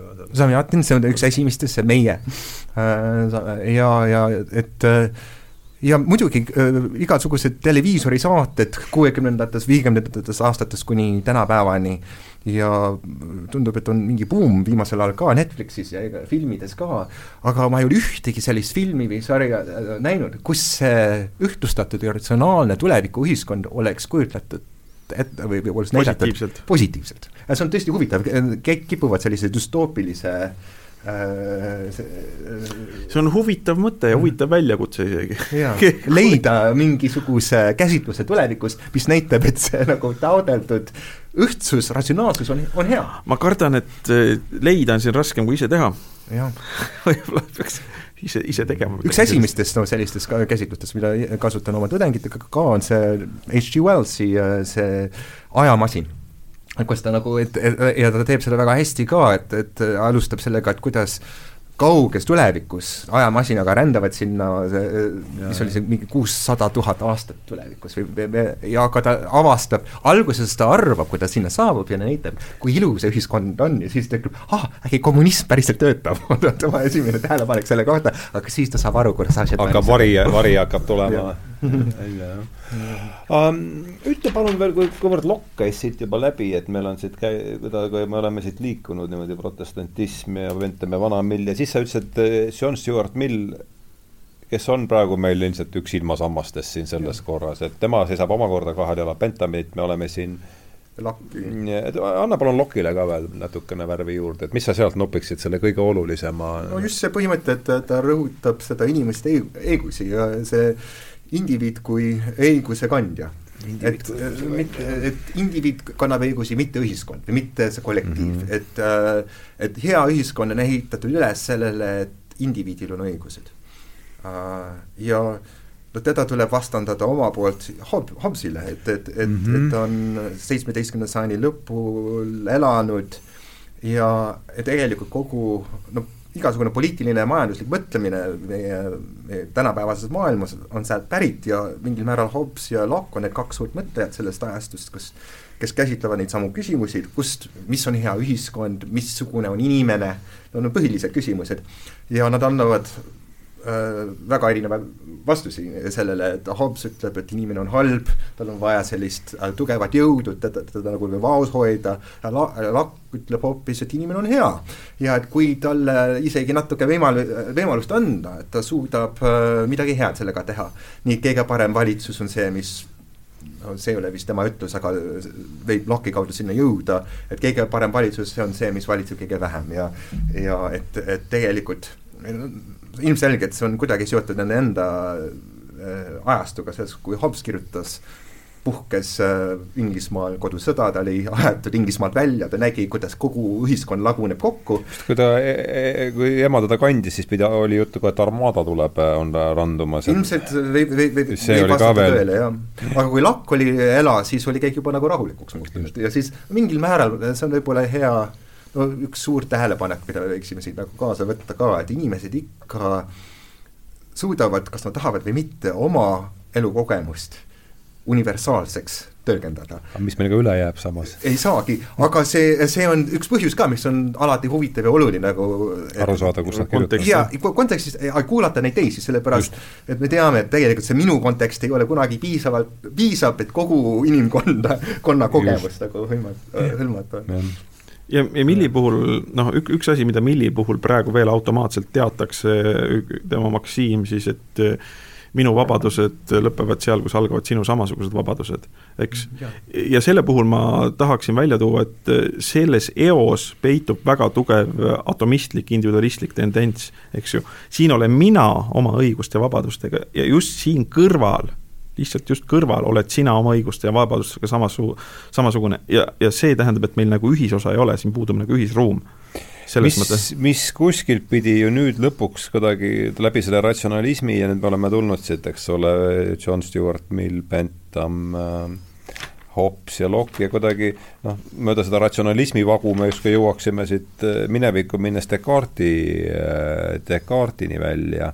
ja mis meid iseäranis huvitab ja meil on siin pool tundi jäänud, et mil määral, mil määral nüüd aimas, valmistas ette Luter äh, pinda Descartesini, see oleks võib-olla Descartesile, et noh, veel kord, jutt liigub no, uuduuris puukuuri ma võiksin alustada siit ka, mul on paar asja öelda, aga mitte väga, see ei lähe väga äh, äh see, mitte sellised sügavad mõtted, aga, aga lihtsalt see, et et see on ka, kuulub võib-olla selle standardse Luteri tõlgenduse juurde, et Luter paneb inimesi piiblit ise lugema. ja, ja et äh, esimene, no mitte esimene, aga kõige kuulsam kindlasti saksakeelne tõlge piiblist on Luteri enda poolt tehtud mm -hmm. ja tal on see, see oli talle väga südamelähedane ja oluline tegevus, et tõlkida piiblit rahvakeelde. ja arvan, et, et, et Luterist algab ka või ta annab äh, laiemat kõnepinda selle põhimõttele, et et inimesed peavad ise saama aru äh, oma äh,, oma elu tähendusest ja, ja, ja usust jumalast. et ei ole piisav, piisav, et mingi preester ütleb sulle, mida uskuda. või mingi arvata. ministeerium annab sulle just. kaks kilo PowerPointi, kuidas sa elama pead, just, just, just ja nagu, nagu see natuke see iseseisev mõtlemine, mis on Descartesile väga oluline, mis on Lackile väga oluline, mis on kogu selle valgustusajastule väga oluline, Kantile väga oluline, et, et see, et selles ühes põhimõttes on Luter selle keega algataja mm. -hmm. On, ilmselt on teisi ka, aga Jan Hus näiteks, äh, aga no tema aimab omakorda ette Luterit, eks? jah, aga, aga Luter on, on see, kes äh, kes tõesti tekitab nagu laineid ja et, et nii palju vastuolu talle kohe, kohe, et vaata, et kogu Euroopa enam-vähem plahvatab Äh, Luteri äh, õpetuse peale, et, et pärast Luterit, kui Luter on, mis on tuhat viissada seitseteist, tema, tema üheksakümmend viis teesi selle Wittenbergi uksele naelatud, et, et enam-vähem sada viiskümmend aastat pärast seda Euroopa ei näe mingit rahu et ja. äh, kogu aeg on mingi sõda äh,. korralik laamendamine. ja see on see Baltasar Russo ajastu, see on üks väike, väike osa kogu sellest nagu sellest jamast, mis tuleb Luterist. aga see on täpselt selles, selles nagu keskpunktis ja eks Jaan Kross kirjutab sellest oma mm -hmm. kolme kasku vahel ka, et kuidas nagu ühed tõlgendavad äh, Rus- äh,, Luterit ühtemoodi, Antonit ja siis teised tõlgendavad teda teistmoodi ja siis on katoliiklased seal ka ja siis tulevad kalvinistid äh, sinna sekka, muidugi see Venemaa õigeusk on seal nagu piiri peal ka, kes, kes, kes, kes sekkub sinna vahele aga et, et, et tõesti, et Luteri olulisus, ma arvan, mõtteloos on eelkõige see, see, et ta paneb inimesi ise tõlgendama, ise, ise arutama, ise oma mõistust kasutama. Mm aga võib-olla sotsioloogiliselt või poli-, poliitiliselt tema olulisus on ikka see, et, et, et pärast tema äh, ütlust või pärast tema väljaastumist on, on tõesti, ta, ta, ta lõhestab Euroopa ühiskonna põhjalikult selle, nende sõdadega, mis, mis on tema pärast nagu äh, ajatud ja jah, ja sealt, sealt tuleb see tolerantsuse idee, et meil usuliste e-, eriarvamuste pärast pärast sada viit-, pärast sada viitekümmet aastat jah, kõva madin, Augsburgi rahuga. jaa, aga mis, mis Luteril, no see üks mõju oli kindlasti ju see, et kui ta ütles, et igasuguseid vahendajaid pole vaja, ta vaimse autoriteedi hierarhiat lammutas, eks ju, ja sealt tuleb niimoodi, et minus on otseühendus Jumalaga, see tähendab, et mingis mõttes ma olen ise kõige kõrgem mõtleja siin. Ja kui ilmalikustumise käigus see teine pool sealt üldse ära kaob või vaikselt ähmastub või hääbub, eks ju, siis jäävadki need atomistlikud isemõtlejad igale poole trobinal ja, ja, ja ridamisi. Ja see huvitav ka, huvitav ka, et see, et Luter ise tahab seda kohe summutada, ma arvan, et see on juba no tuhat viissada kakskümmend viis või kakskümmend neli, ta kirjutab äh, selle talupoegade ülestõusu vastu mm. -hmm. ja Jaan Kross jälle kasutab selle hetke väga ilusti ära, selle, selle kolme katku vahel, ta, ta, ta, ta, tal on üks äh, koht või lõik seal, äh, mitu lehekülge ikka, kus ta räägib sellest, kuidas see Luteri tekst jõuab Liivimaale, kuidas seda tõlgitakse ümber nagu eesti keelde, kuidas tahetakse sellest aru saada, kas see oleks meile kasulik ka praegu mm, -hmm. see Luteri äh, või, või mitte, või pigem mitte see Luteri enda tekst, aga see talupoegade tekst näiteks, kus nad räägivad sellest, kuidas nad kasutavad ära Luteri usku, et, et, et, et, et astuda välja oma õiguste eest uh,. aga, aga muidugi see, et uh, noh, et, et ta ise taganeb kohe sellest yeah. ja need riigid, kus Luter, Luteri usk on levinud, on on tavaliselt sellised väga hierarhilised või, või ütleme, sellised, kus on äh, Äh, mis olid äh, vahepeal väga hierarh-, hierarhilised, kõik need Skandinaavia riigid, äh, Rootsi impeerium, eks see esimene Tartu Ülikool siin seitsmeteistkümnendast sajandist oli väga selles, selles vaimus nagu loodud ja üles ehitatud ja ja et äh, see, nad ei ole sellised äh, mässavad äh, ühiskonnad, kus, kus on kogu aeg näha ülestõusi, tõusmist nagu võimude vastu, pigem sellised rahulikud ja no kus see on võib-olla mingil määral see kooskõla valitsejate no üks, üks asi on ju ka, eks ju, et see, et mis, mis sealt tuleb, noh, katoliiklusega oli, oli ju riik ja usk oli seotud, eks ju, aga see, et see, ühiskond võib olla vabalt täiesti hierarhiline ja seal on, seal on omad väga selged hierarh-, tähendab efektiivsusprintsiibid, miks hierarhia hästi töötab. aga teine asi, et sinu usuküsimused on riiklikust hierarhiast ilusti lahutatud. see, see on, noh, see on ka väga oluline pööre mis, mis, mis sealt, mis, sealt tuleb. sellega võib-olla me jõuame suure ringiga tagasi Ameerika juurde, just oh,, ja, ja no, ei, no, põhimõtteliselt see on eesmärk esimene just... selline riik, mis on loodud mitteusklikus vaimus. et see valgustusajastus, mis, kus see sekularisatsioon on ametlik riiklik äh, positsioon. positsioon, ikkagi seisukoht ja võib-olla see on juba, see on juba kujunenud välja, see on hakanud levima, Luter äh,, luterlikutes maades, aga see ei ole veel ametlikuks nagu seisukohaks aga võetud. ja see, kui ameeriklased loovad oma riigi äh, tuhat seitsesada seitsekümmend kuus ja no aastad pärast, pärast seda, et nad, nad tõesti võtavad selle, selle põhimõtte, et meil ei ole usku et usk ei ole see, mis meid suunab, mis, mis ütleb, kes me oleme. see ei ole meie vähemalt riigi tasandil. vähemalt riigi tasandil ja, ja mingil määral ma arvan, et et ja osaliselt sellepärast, et just nagu Saksamaal oli Ameerikas liiga palju erinevaid uske. et ei taheta, kui me ütleme, me oleme protestantlikud, siis millised protestandid? siis alati oleks keegi, kes oleks selle vastu. ja, ja, ja mitte nõus olnud, et li-, lihtsam lihtsam oli olla nii-öelda apofaatiline, et täpselt, jah. et selleks, et mitte, mitte ühte konkreetset välja valida, eitame kõiki jah, vot see viib selle lause juurde, mis ma, esimene lause, mis ma siin kirja panin täna ja mis tundub, et USA on sündinud valgustusajastu kõrgpunktis, et ma arvan, et see on äh, siin ja. praegusi sündmusi vaadates äh, päris äh, oluline asi meelde ja, ja nagu Kant määratles valgustust, et see on väljumine omasüülisest alaealisust alaealisusest, lapsemeelsusest, eks ju, selles mõttes, et sa ei vaja, ja see, see, see ju rõhutab veel kord üle, et ma ei rõhu, ma ei vaja vaimset autoriteeti. Ma oskan ise lugeda. kõike seda, see on eh, see on oluline ja huvitav ka, et muidugi Kant kui äh, filosoof, kes õpetas Königsbergis, oli ka luteri usku nagu sun-, sündinud, ta oli ise no, sünni poolest nagu luterlane mm. -hmm. ja et, et tema vaidlused äh, autoriteetidega oli alati sellise, selliste luterlikude kirikumeestega või, või, või selle, mitte eriti kuningaga, talle väga meeldis Friedrich Teine, kes oli, kiitis nagu taevani võib-olla isegi no, nagu liiga alandlikult. aga, aga tal oli see, ta, ta isegi kirjutas paar olulist, ta kirjutas just selle et mis on see mõttevabadus, ma ei mäleta, mis see, see pealkiri on täpselt, mõttevabadus mingisuguses kristlikus raami, raames. ja kuidas nagu, kuidas see kirik võiks meid suunata, aga samas, et, et ta ei tohiks nagu piirata meie mõtlemist tal oli see nagu väga oluliseks teemaks ka. kuidas ülikool ka, et ülikool ei ole rajatud ainult selleks, et koolitada välja pastoreid, aga et, et, et panna meid äh, ratsionaalselt mõtlema.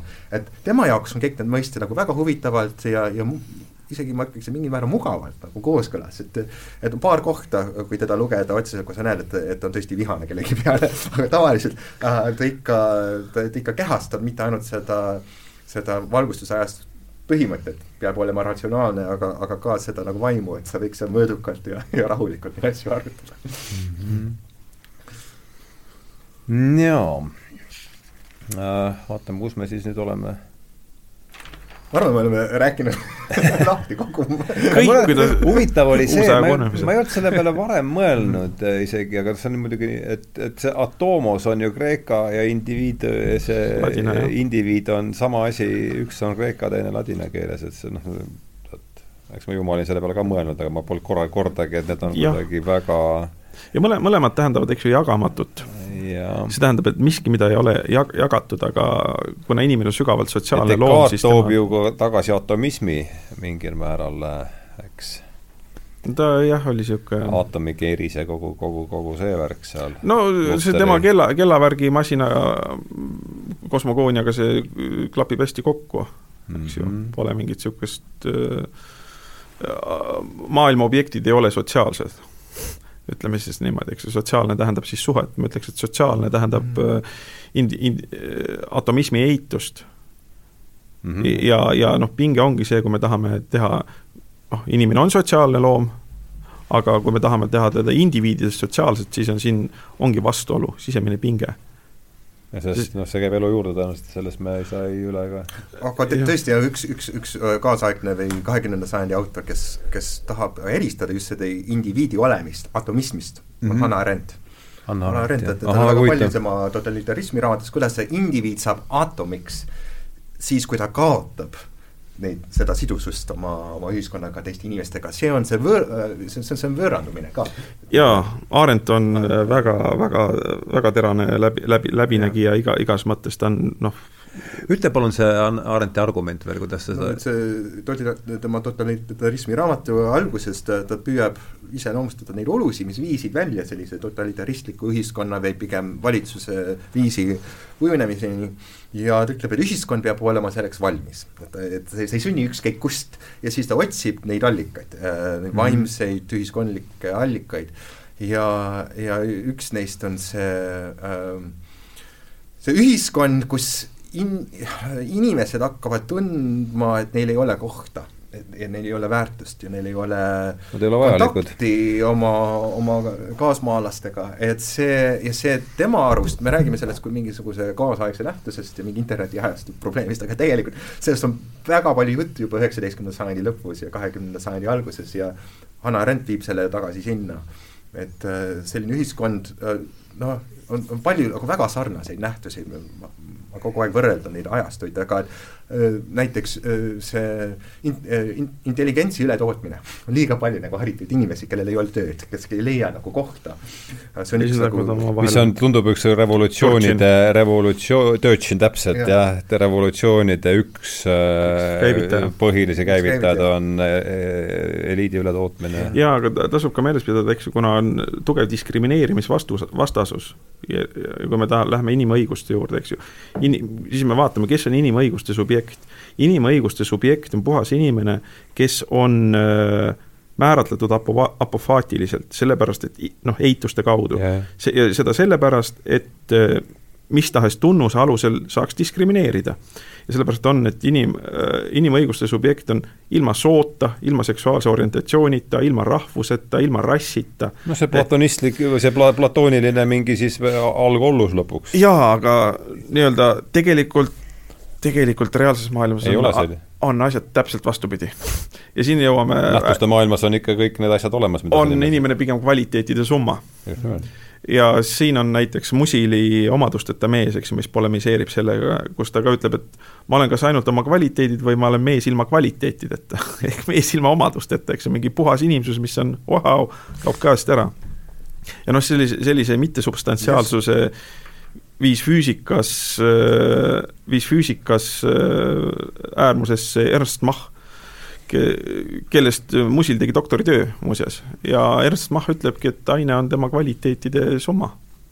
kõik, pots, asi, asi, punkt, mutt. korras ja noh, me võime öelda ka, et inimene on kvaliteedi summa. kas Aristoteles rääkis nendest kvaliteetidest ja üht ja teistpidi või? See peaks olema piisavalt ürgne mõiste küll jah, esmased ja seda... essentsiaalsed ja kvalitatiiv- või mis see, essentsiaalsed ja nojah, see, et esmased ja teised ühed ja ühte seda muuta. esmased ja teised atribuudid mm, -hmm. võib-olla ka veresuhkur otsa saama. aine on tema kvaliteetide summa, sa ütlesid, jah? jah, ja mitte midagi maht... muud, selles mõttes substantsi ei ole mingit niisugust, mis väljendab ja midagi muud seal polegi? jah see, kas äh, kaasamine või eitamine meie, äh, meie erinevate tahketest on üks kaasaegse ühiskonna suurem küsimus ja probleem ja me leiame seda igasugustes aruteludes puudutavad sooküsimust või õig-, äh, seda ebavõrdsust ja kõike muud. et, et, et, et, et kuidas me saavutame seda ah tule lähemale mikrofoni. sellist nagu paremat ühiskonda, kas see on selles, et me paneme, paneme neid, äh, neid, neid aspekte või erinevusi tähele, me unustame nad ära mm. -hmm. et see äh, liberalismi kontekstis ka on, äh, võiks öelda, et see Milli ettekujutus muutus äh, heast ühiskonnast on ikka see, kus me ei, me, ei pööra liiga palju või üldse tähelepanu nendele, et me tahaksime sellist ühiskonda, kus see, et sa oled inimene, on kõige olulisem, see, kõik muu ei ole. aga, aga et, et kuidas seda või seda heaolu saavutada, et kas me peame teel sinna neid, neid aspekte või erinevusi märkama või kas me peame neid ära unustama, et see on üks põhilistest, ma arvan, vastuoludest nagu kaasaegses või ütleme, maailmas üle viim-, viimase viiekümne, saja aasta, äh, kus need ideoloogiad nagu hargnevad, kus need, äh, kus need kõige tulisemad tulid nagu puhkevad, äh, et et ja ma arvan, tänapäeva, tänapäeva ülikoolis, akadeemias on see üks koht, kus leiab kõige, kõige suuremaid nagu lahkhelisi ja eriarvamusi, et et, et kas ma teen rohkem kahju sellega, ma märkan, et sa oled naine, mustanahaline ükskõik muu, või kas ma teen rohk- äh,, rohkem halb äh,, äh, kahju sellega, et ma ei, ei märka seda mm, -hmm. kui ma räägin sinuga inimesena. et kas tuleb välja tuua ja rõhutada neid asju või mitte mm. -hmm. või näha, näha, näha teist võimalikult komplekssena ja individuaalsena ja kusjuures siin on huvitav, et äh, haridussüsteemis on läinud niimoodi noh, hindamisi individuaalne, et vaadatakse üha, no lasteaias on see hästi loomulik, eks ju, kui sa vaatad, hindad inimest, kuidas ta on arenenud, kuidas väike lapsuk areneb, mis suunas iganes suunas ja niimoodi. ja me hindame teda tema eelmise arenguastme taustal, tundub hästi mõistlik ja loogiline. siis klõpsti on äh, äh, riigieksamid, kuidas tehakse. seal on süsteem tehtud niimoodi, et kõik individuaalsused on täiesti ära nullitud. Eksamitöödele pannakse peale kood, see, et kontrollija ei, põhimõtteliselt ei saaks teada ühtegi tunnust tema kohta. ja need on nüüd kah-, kaks erinevat laadi õiglust, millele viitab ka Nafta Valumäes, eks ju, et kui kui sa hakkad õiglusest rääkima, siis kõigepealt ütle, millist õigust sa tahad, kas see, mis igale ühele annab vastavalt tema mõõdule või kõigile ühesuguse mõõduga mm. -hmm. ja need on fundamentaalselt konfliktis mm. -hmm aga mõlemal puhul räägitakse alati õiglusest. just, ja see on huvitav, et mingil määral see on, see on natuke see Ameerika-Prantsusmaa erinevus mm. -hmm. et, et, et Pran-, et Ameerika haridus, see süsteem ikka, see, kui sa tahad kõrgkoolidesse saada, kui ma pidin, näiteks kui ma ta, tahtsin Harvardisse saada, pidin neile sõita, saatma äh, taotlus või see sooviavaldus koosnes kirjast, kus ma tutvustan oma isiksust, ütlen, kes ma olen, mida ma taotlen, mida ma tahan, see, seda määrati väga-väga oluliseks, ma pean näitama äh, kõik need tegevused, millega ma olen seotud, kas ma, siis ma mängisin viiulit, mängisin nagu äh, Euroopa jalgpalli, kõike seda ma pidin välja tooma ja näitama, miks see on nii oluline. Äh, ma, ma pidin ennast nagu isiksusena näitama. ja siis sind võetakse Ameerika kõrgkoolides vastu isiksusena Prantsusmaal on täiesti vastupidi, jälle, kõik on ära peidetud, kõik on anonüümne, üks riigieksam, mis määrab kõike, et kui sa tahad nende Grand Ecolidesse saada, kõik teevad sedasama eksami, need hindajad minu arust ei tea mitte midagi selle sinu kohta, kas sa oled mees, naine või ükski ma arvan, et nad ei tohigi teada. ei tohigi teada, aga mis on huvitav, et mõlemad ühiskond, nad no, no kannatavad sama probleemi äh, all, see on, et väga huvitav. see on ikka, et eliitide nagu pojad, tütred ikka joovad sinna, see, see ei ole nagu nagu la-, lahendanud selle probleemi, tahetakse nagu võrdõiguslikumat ühiskonda, kus igaüks võiks sinna pääseda, aga tundub, et mõlemad meetodid tegelikult no jaa, taastoodavad on... seda endist äh, haritlaskonda. see on, see oli meie eelmise saate teema, see on pärilikkuse needus -hmm. pärilikkuse needus ja see, see ronib igast nurkast läbi, ta ronib läbi geenide, ta läbi, ronib läbi käitumuslikku eeskuju, ta ronib läbi raamaturiiulite, mis kodus on,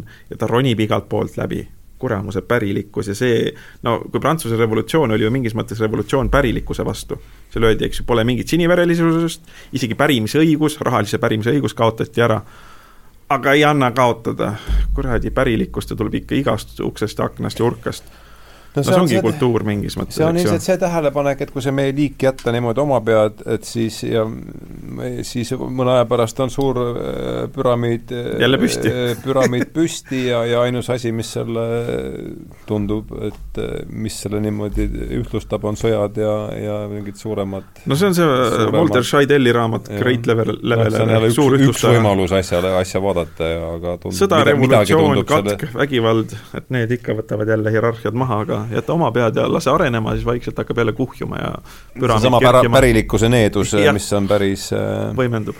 jah, aga kena, et äh, me oleme siin, katsume siin kümnekonna minutiga asjad koomale tõmmata, et väga huvitav oli äh, kõigepealt ma, minu jaoks, äh, ma ei tea, kuidas teie jaoks ja kuidas kuulajate jaoks, aga ei no kannatasin välja. jah, et, et naljakas on see, et me hakkasime ju pihta Moby Dickis, siis me liikusime, mis oli eelmise, mul, ma vaatan läbi, noh, paratamatult nagu kõik teised asjad oli oma läbi, oma prisma ja ja kui mul see raamatute kursus seal on, siis eh, sügisel tegime Moby Dicki, nüüd on Karamazovid ja kuidagi huvitavalt keerles, keeras see jutt täna sellele kolme krossi, kolme katku, ma arvan, et see tundub olevat praeguses oludes see raamat, millega sügisel teha, kui siin veel millega kolme katku vahel. kui siin millega veel sügisel tegeleda. me oleme ühe katku eel, ei kahe laine vahel. et rääkige, sellest ma pean tunnistama oma ignora-, harimatust, ma ei ole seda raamatut lugenud, aga ma, et rääkige oma muljetest natukene. ma tunnistan, ma ka ei ole kusjuures okay.. sina oled, ma saan aru, sina võtsid no, jutud. ja minu ema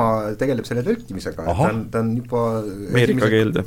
Inglise keelde, et äh, ema on tõlkinud nüüd äh, esimese osa ja teise osa ja siis ta on no eraldi neid välja andnud juba mm, -hmm. see esimene Kõielkõndija on, ilmus juba mingi kolm-neli aastat tagasi, siis teine osa, mis on Rahvas ine-, ilma minevikuta mm, -hmm. on, ilmus siis oota, esimene on Kõielkõndija ja Rahvas ilma minevikuta, ahah. ja viimane tuleb nüüd äh, siis inglise keeles The Rope Walker ja People Without a Past ja viimane nüüd tuleb Book of Falsehoods, no kuidas seda, valede raamat või äh, äh, midagi sellist äh,. oota, Köiel-kõndja oli esimene või? jaa, ja nii et ma olen no tema kõrvalt seda, tema, tema tõlkimise kogemust nagu jälginud väga lähedalt. mis oli teine, teine oli äh,? Rahvas ilma minevikuta? ilma minevikuta mm. -hmm ja ma pidasin Jaan Krossi äh, saja aastapäeva konverentsil ka ettekande sellel teemal aasta eest äh, ja äh, Äh, Aha. hakkasin nagu mõtlema selle katkude peale, et see oli veebruarikuus, just enne selle koroona puhkemist siin äh,, ütleme paar nädalat, kui enne, kui jõudis Eestisse. nii et see veel ei olnud nii aktuaalne, kui praegu on. aga no üks asi, mida võiks nagu seal panna tähele, just need kat-, äh, kat-, äh, katkud on seal väga no erineva tähendusega, et nad võiksid olla päriselt, see on kolm korda puhkeb see katk äh, selles, see on see meditsiinilise, meditsiinilise nähtusena? jah, jah, kuueteistkümnenda sajandi lõpu no see ei ole väga palju erinev, et siin on ka katkul õige mitu tähendust, ma just, ja siis on ka mingil määral katkud võiksid olla ka need võõrveimud, et see, kas siin puhul äh, venelased äh, äh, kas siis äh, poolakad ja, ja no rootslased päriselt nagu katkuna ei esine, aga, aga see on isegi pehmem vorm. pehmem vorm, jaa. aga, aga jah, et need, need vaenlased äh, ja no mind huvitas just see keeleline aspekt, ettekande pealkiri oli vist kolme keele vahel. et ma no rääkisin sellest just, et Baltasar Russo no väga kiiresti nagu kokku võtta, mis selle raamatu huvi võiks olla nagu meile praegu ja üldse mm -hmm. Eestile, et see on sellise Eesti haritlase äh, bildungsromaan või kujunemislugu mm.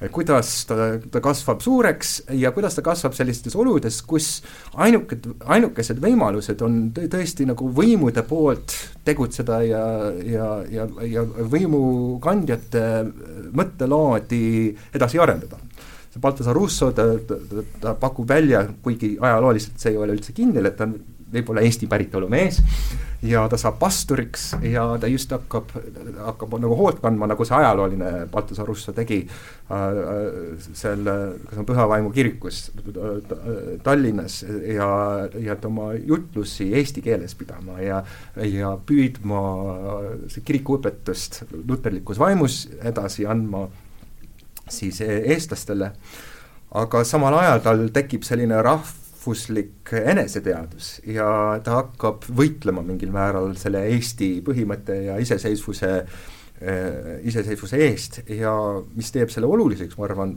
praegu on just see, et äh, et see püstitab seda küsimust, et kuidas, kuidas no inimene hakkab märkama oma mitte ainult rahvuslikku eripära, aga oma eripära, ükskõik mis see on. ja kuidas ta hakkab võitlema selle eest ja kuidas ta saab selle oma, oma koha nagu endale otsida või leida maailmas. ja kuidas ta teeb seda haritlasena. mingil määral, nagu ma arvan, Kross on väitnud ja kindlasti see on see tema esimene väga suur romaan võib-olla kõige olulisem selles mõttes, et ta, ta on mingil määral tema enda äh, lugu mm. -hmm. et, et kuidas Nõukogude tingimustes, kus nagu võimalusi ei ole antud, kuidas sa saad selliseks haritlaseks, kes võiks astuda välja oma rahva äh, eest, eest.. Ähm, ja muidugi ta mängib siin kristlusega ja selle luterlusega, selles mõttes protestantismiga, et et ta teeb seda selles raames, see, see Baltasar Russo, et ta, ta ikka, tema ametlik koht on ikka sellise pastorina, et ta esindab äh, seda saksa võimu mingil määral, aga samas ta leiab äh, no mis on nagu lahe, ma arvan, Krossi juures igas temas romaanis, et ta tõesti selle ta toob välja väga ilmekalt seda, selle kompromissi kohta, et ku-, kuidas on võimatu läbi saada ilma kompromissita mm. -hmm. pead kogu aeg leidma seda, et kui sul on mingid eesmärgid või soovid või huvid, pead alati äh, äh, sa ei saa teha otseselt seda, mida sa tahad mm. -hmm. sa pead alati arvestama sellega, mis on juba kohal ja need võimud on väga tugevad noh, see Keisri hull räägib sellest, professori Martinsi ja Äraseit, teisi suure no see on ju läbiv teema tal. läbiv teema tal, aga võib-olla see on see, jälle see on, ta kirjutas selle vist üle kümne aasta, viie aasta vähemalt, äh, üle pika aja igatahes ja, ja millal, millal Kolme katku vahel ilmus üldse? Äh, kas see oli siis äh, kas see oli kuuekümnendate lõpus, ma ei ma ei julge ka pakkuda võimalik mm. -hmm siis ma, no ma arvan ikka kuuekümnendates, seitsmekümnendates oli juba, no hakkasid ilmuma need üks esimene filmiversioon ja, ja, ja teised käisid. selle me võime, selle guugeldamise me võime jätta ja. kodutööks mm. -hmm. aga jah, et aga, et lihtsalt, et rõhutada, et see, et see annab ühe vastuse vähemalt küsimusele, mis üks väike inimene saab teha et suurimaid nagu või suuremaid nagu eesmärke ja vaimseid eesmärke teenida ja kuidas ta võib kasutada ära selle kehtiva korra, süsteemi, et teha midagi natuke dissidentlikku. kui mhm. jõuda tagasi selle lõhestunud intelligentsi juurde, et, et kuidas ta saab isegi mingisuguse kehtiva korra raames ajada oma asja ja mitte ainult oma, mitte ainult sellepärast, et ta tahab olla isiksus ja iseseisev, aga sellepärast ta arvab, et kõige väärtuslikum on see, mis on unustatud. nende võimude poolt. see, mis nagu toodab, see kaasaegne süsteem ei ole, võib-olla see on laiemas laastus hea, nagu ratsionalism, me rääkisime, jah, et mm. mina ei ole mingisuguse ratsionaalsuse vastane, aga tuleb seda varjukõlge märgata ja püüda seda ohjeldada ja sellega tegeleda. ja mingil määral, äh, kas ta õnnestus või mitte, Kross tegeles ka, ma arvan, nende probleemidega, nende küsimustega, et sellepärast tuleb ikka tema juurde tagasi minna. mulle ka tundub, et see, kuigi ma ise ei ole lugenud, et see on see raamat, millega praegu peaks pealkiri tõmbab. pealkiri tõmbab igatepidi ja kogu see probleemistik ja aeg ja need on kõik nagu no selleks ajaks ole, oleme me ka kol kolme koroonalaine vahel, nii et seda jah, et noh, vaevalt me nüüd sinna selleks true. ajaks me nüüd tehnokraatlikusse utoopiasse vast ei ole, ei, ole jõudnud, selle peale võib vist küll võtta enam-vähem mingit poollahjat mürki. aga tänan, äh, vahva oli ja ongi saanud jällegi kaks tundi peaaegu täis, et äh, suur tänu, Mihkel, ja, ja suur tänu, David Ilmar, et äh, vahva, alati äge teiega rääkida ja ja mul oli väga huvitav, ma loodan, et oli kuulajatel ka ja, ja tõmbame siis joone alla ja arenemiseni. ja, ja arenemiseni. arenemiseni. nädala lõpp ongi juba peaaegu käes. jah. et veel kord head õhtut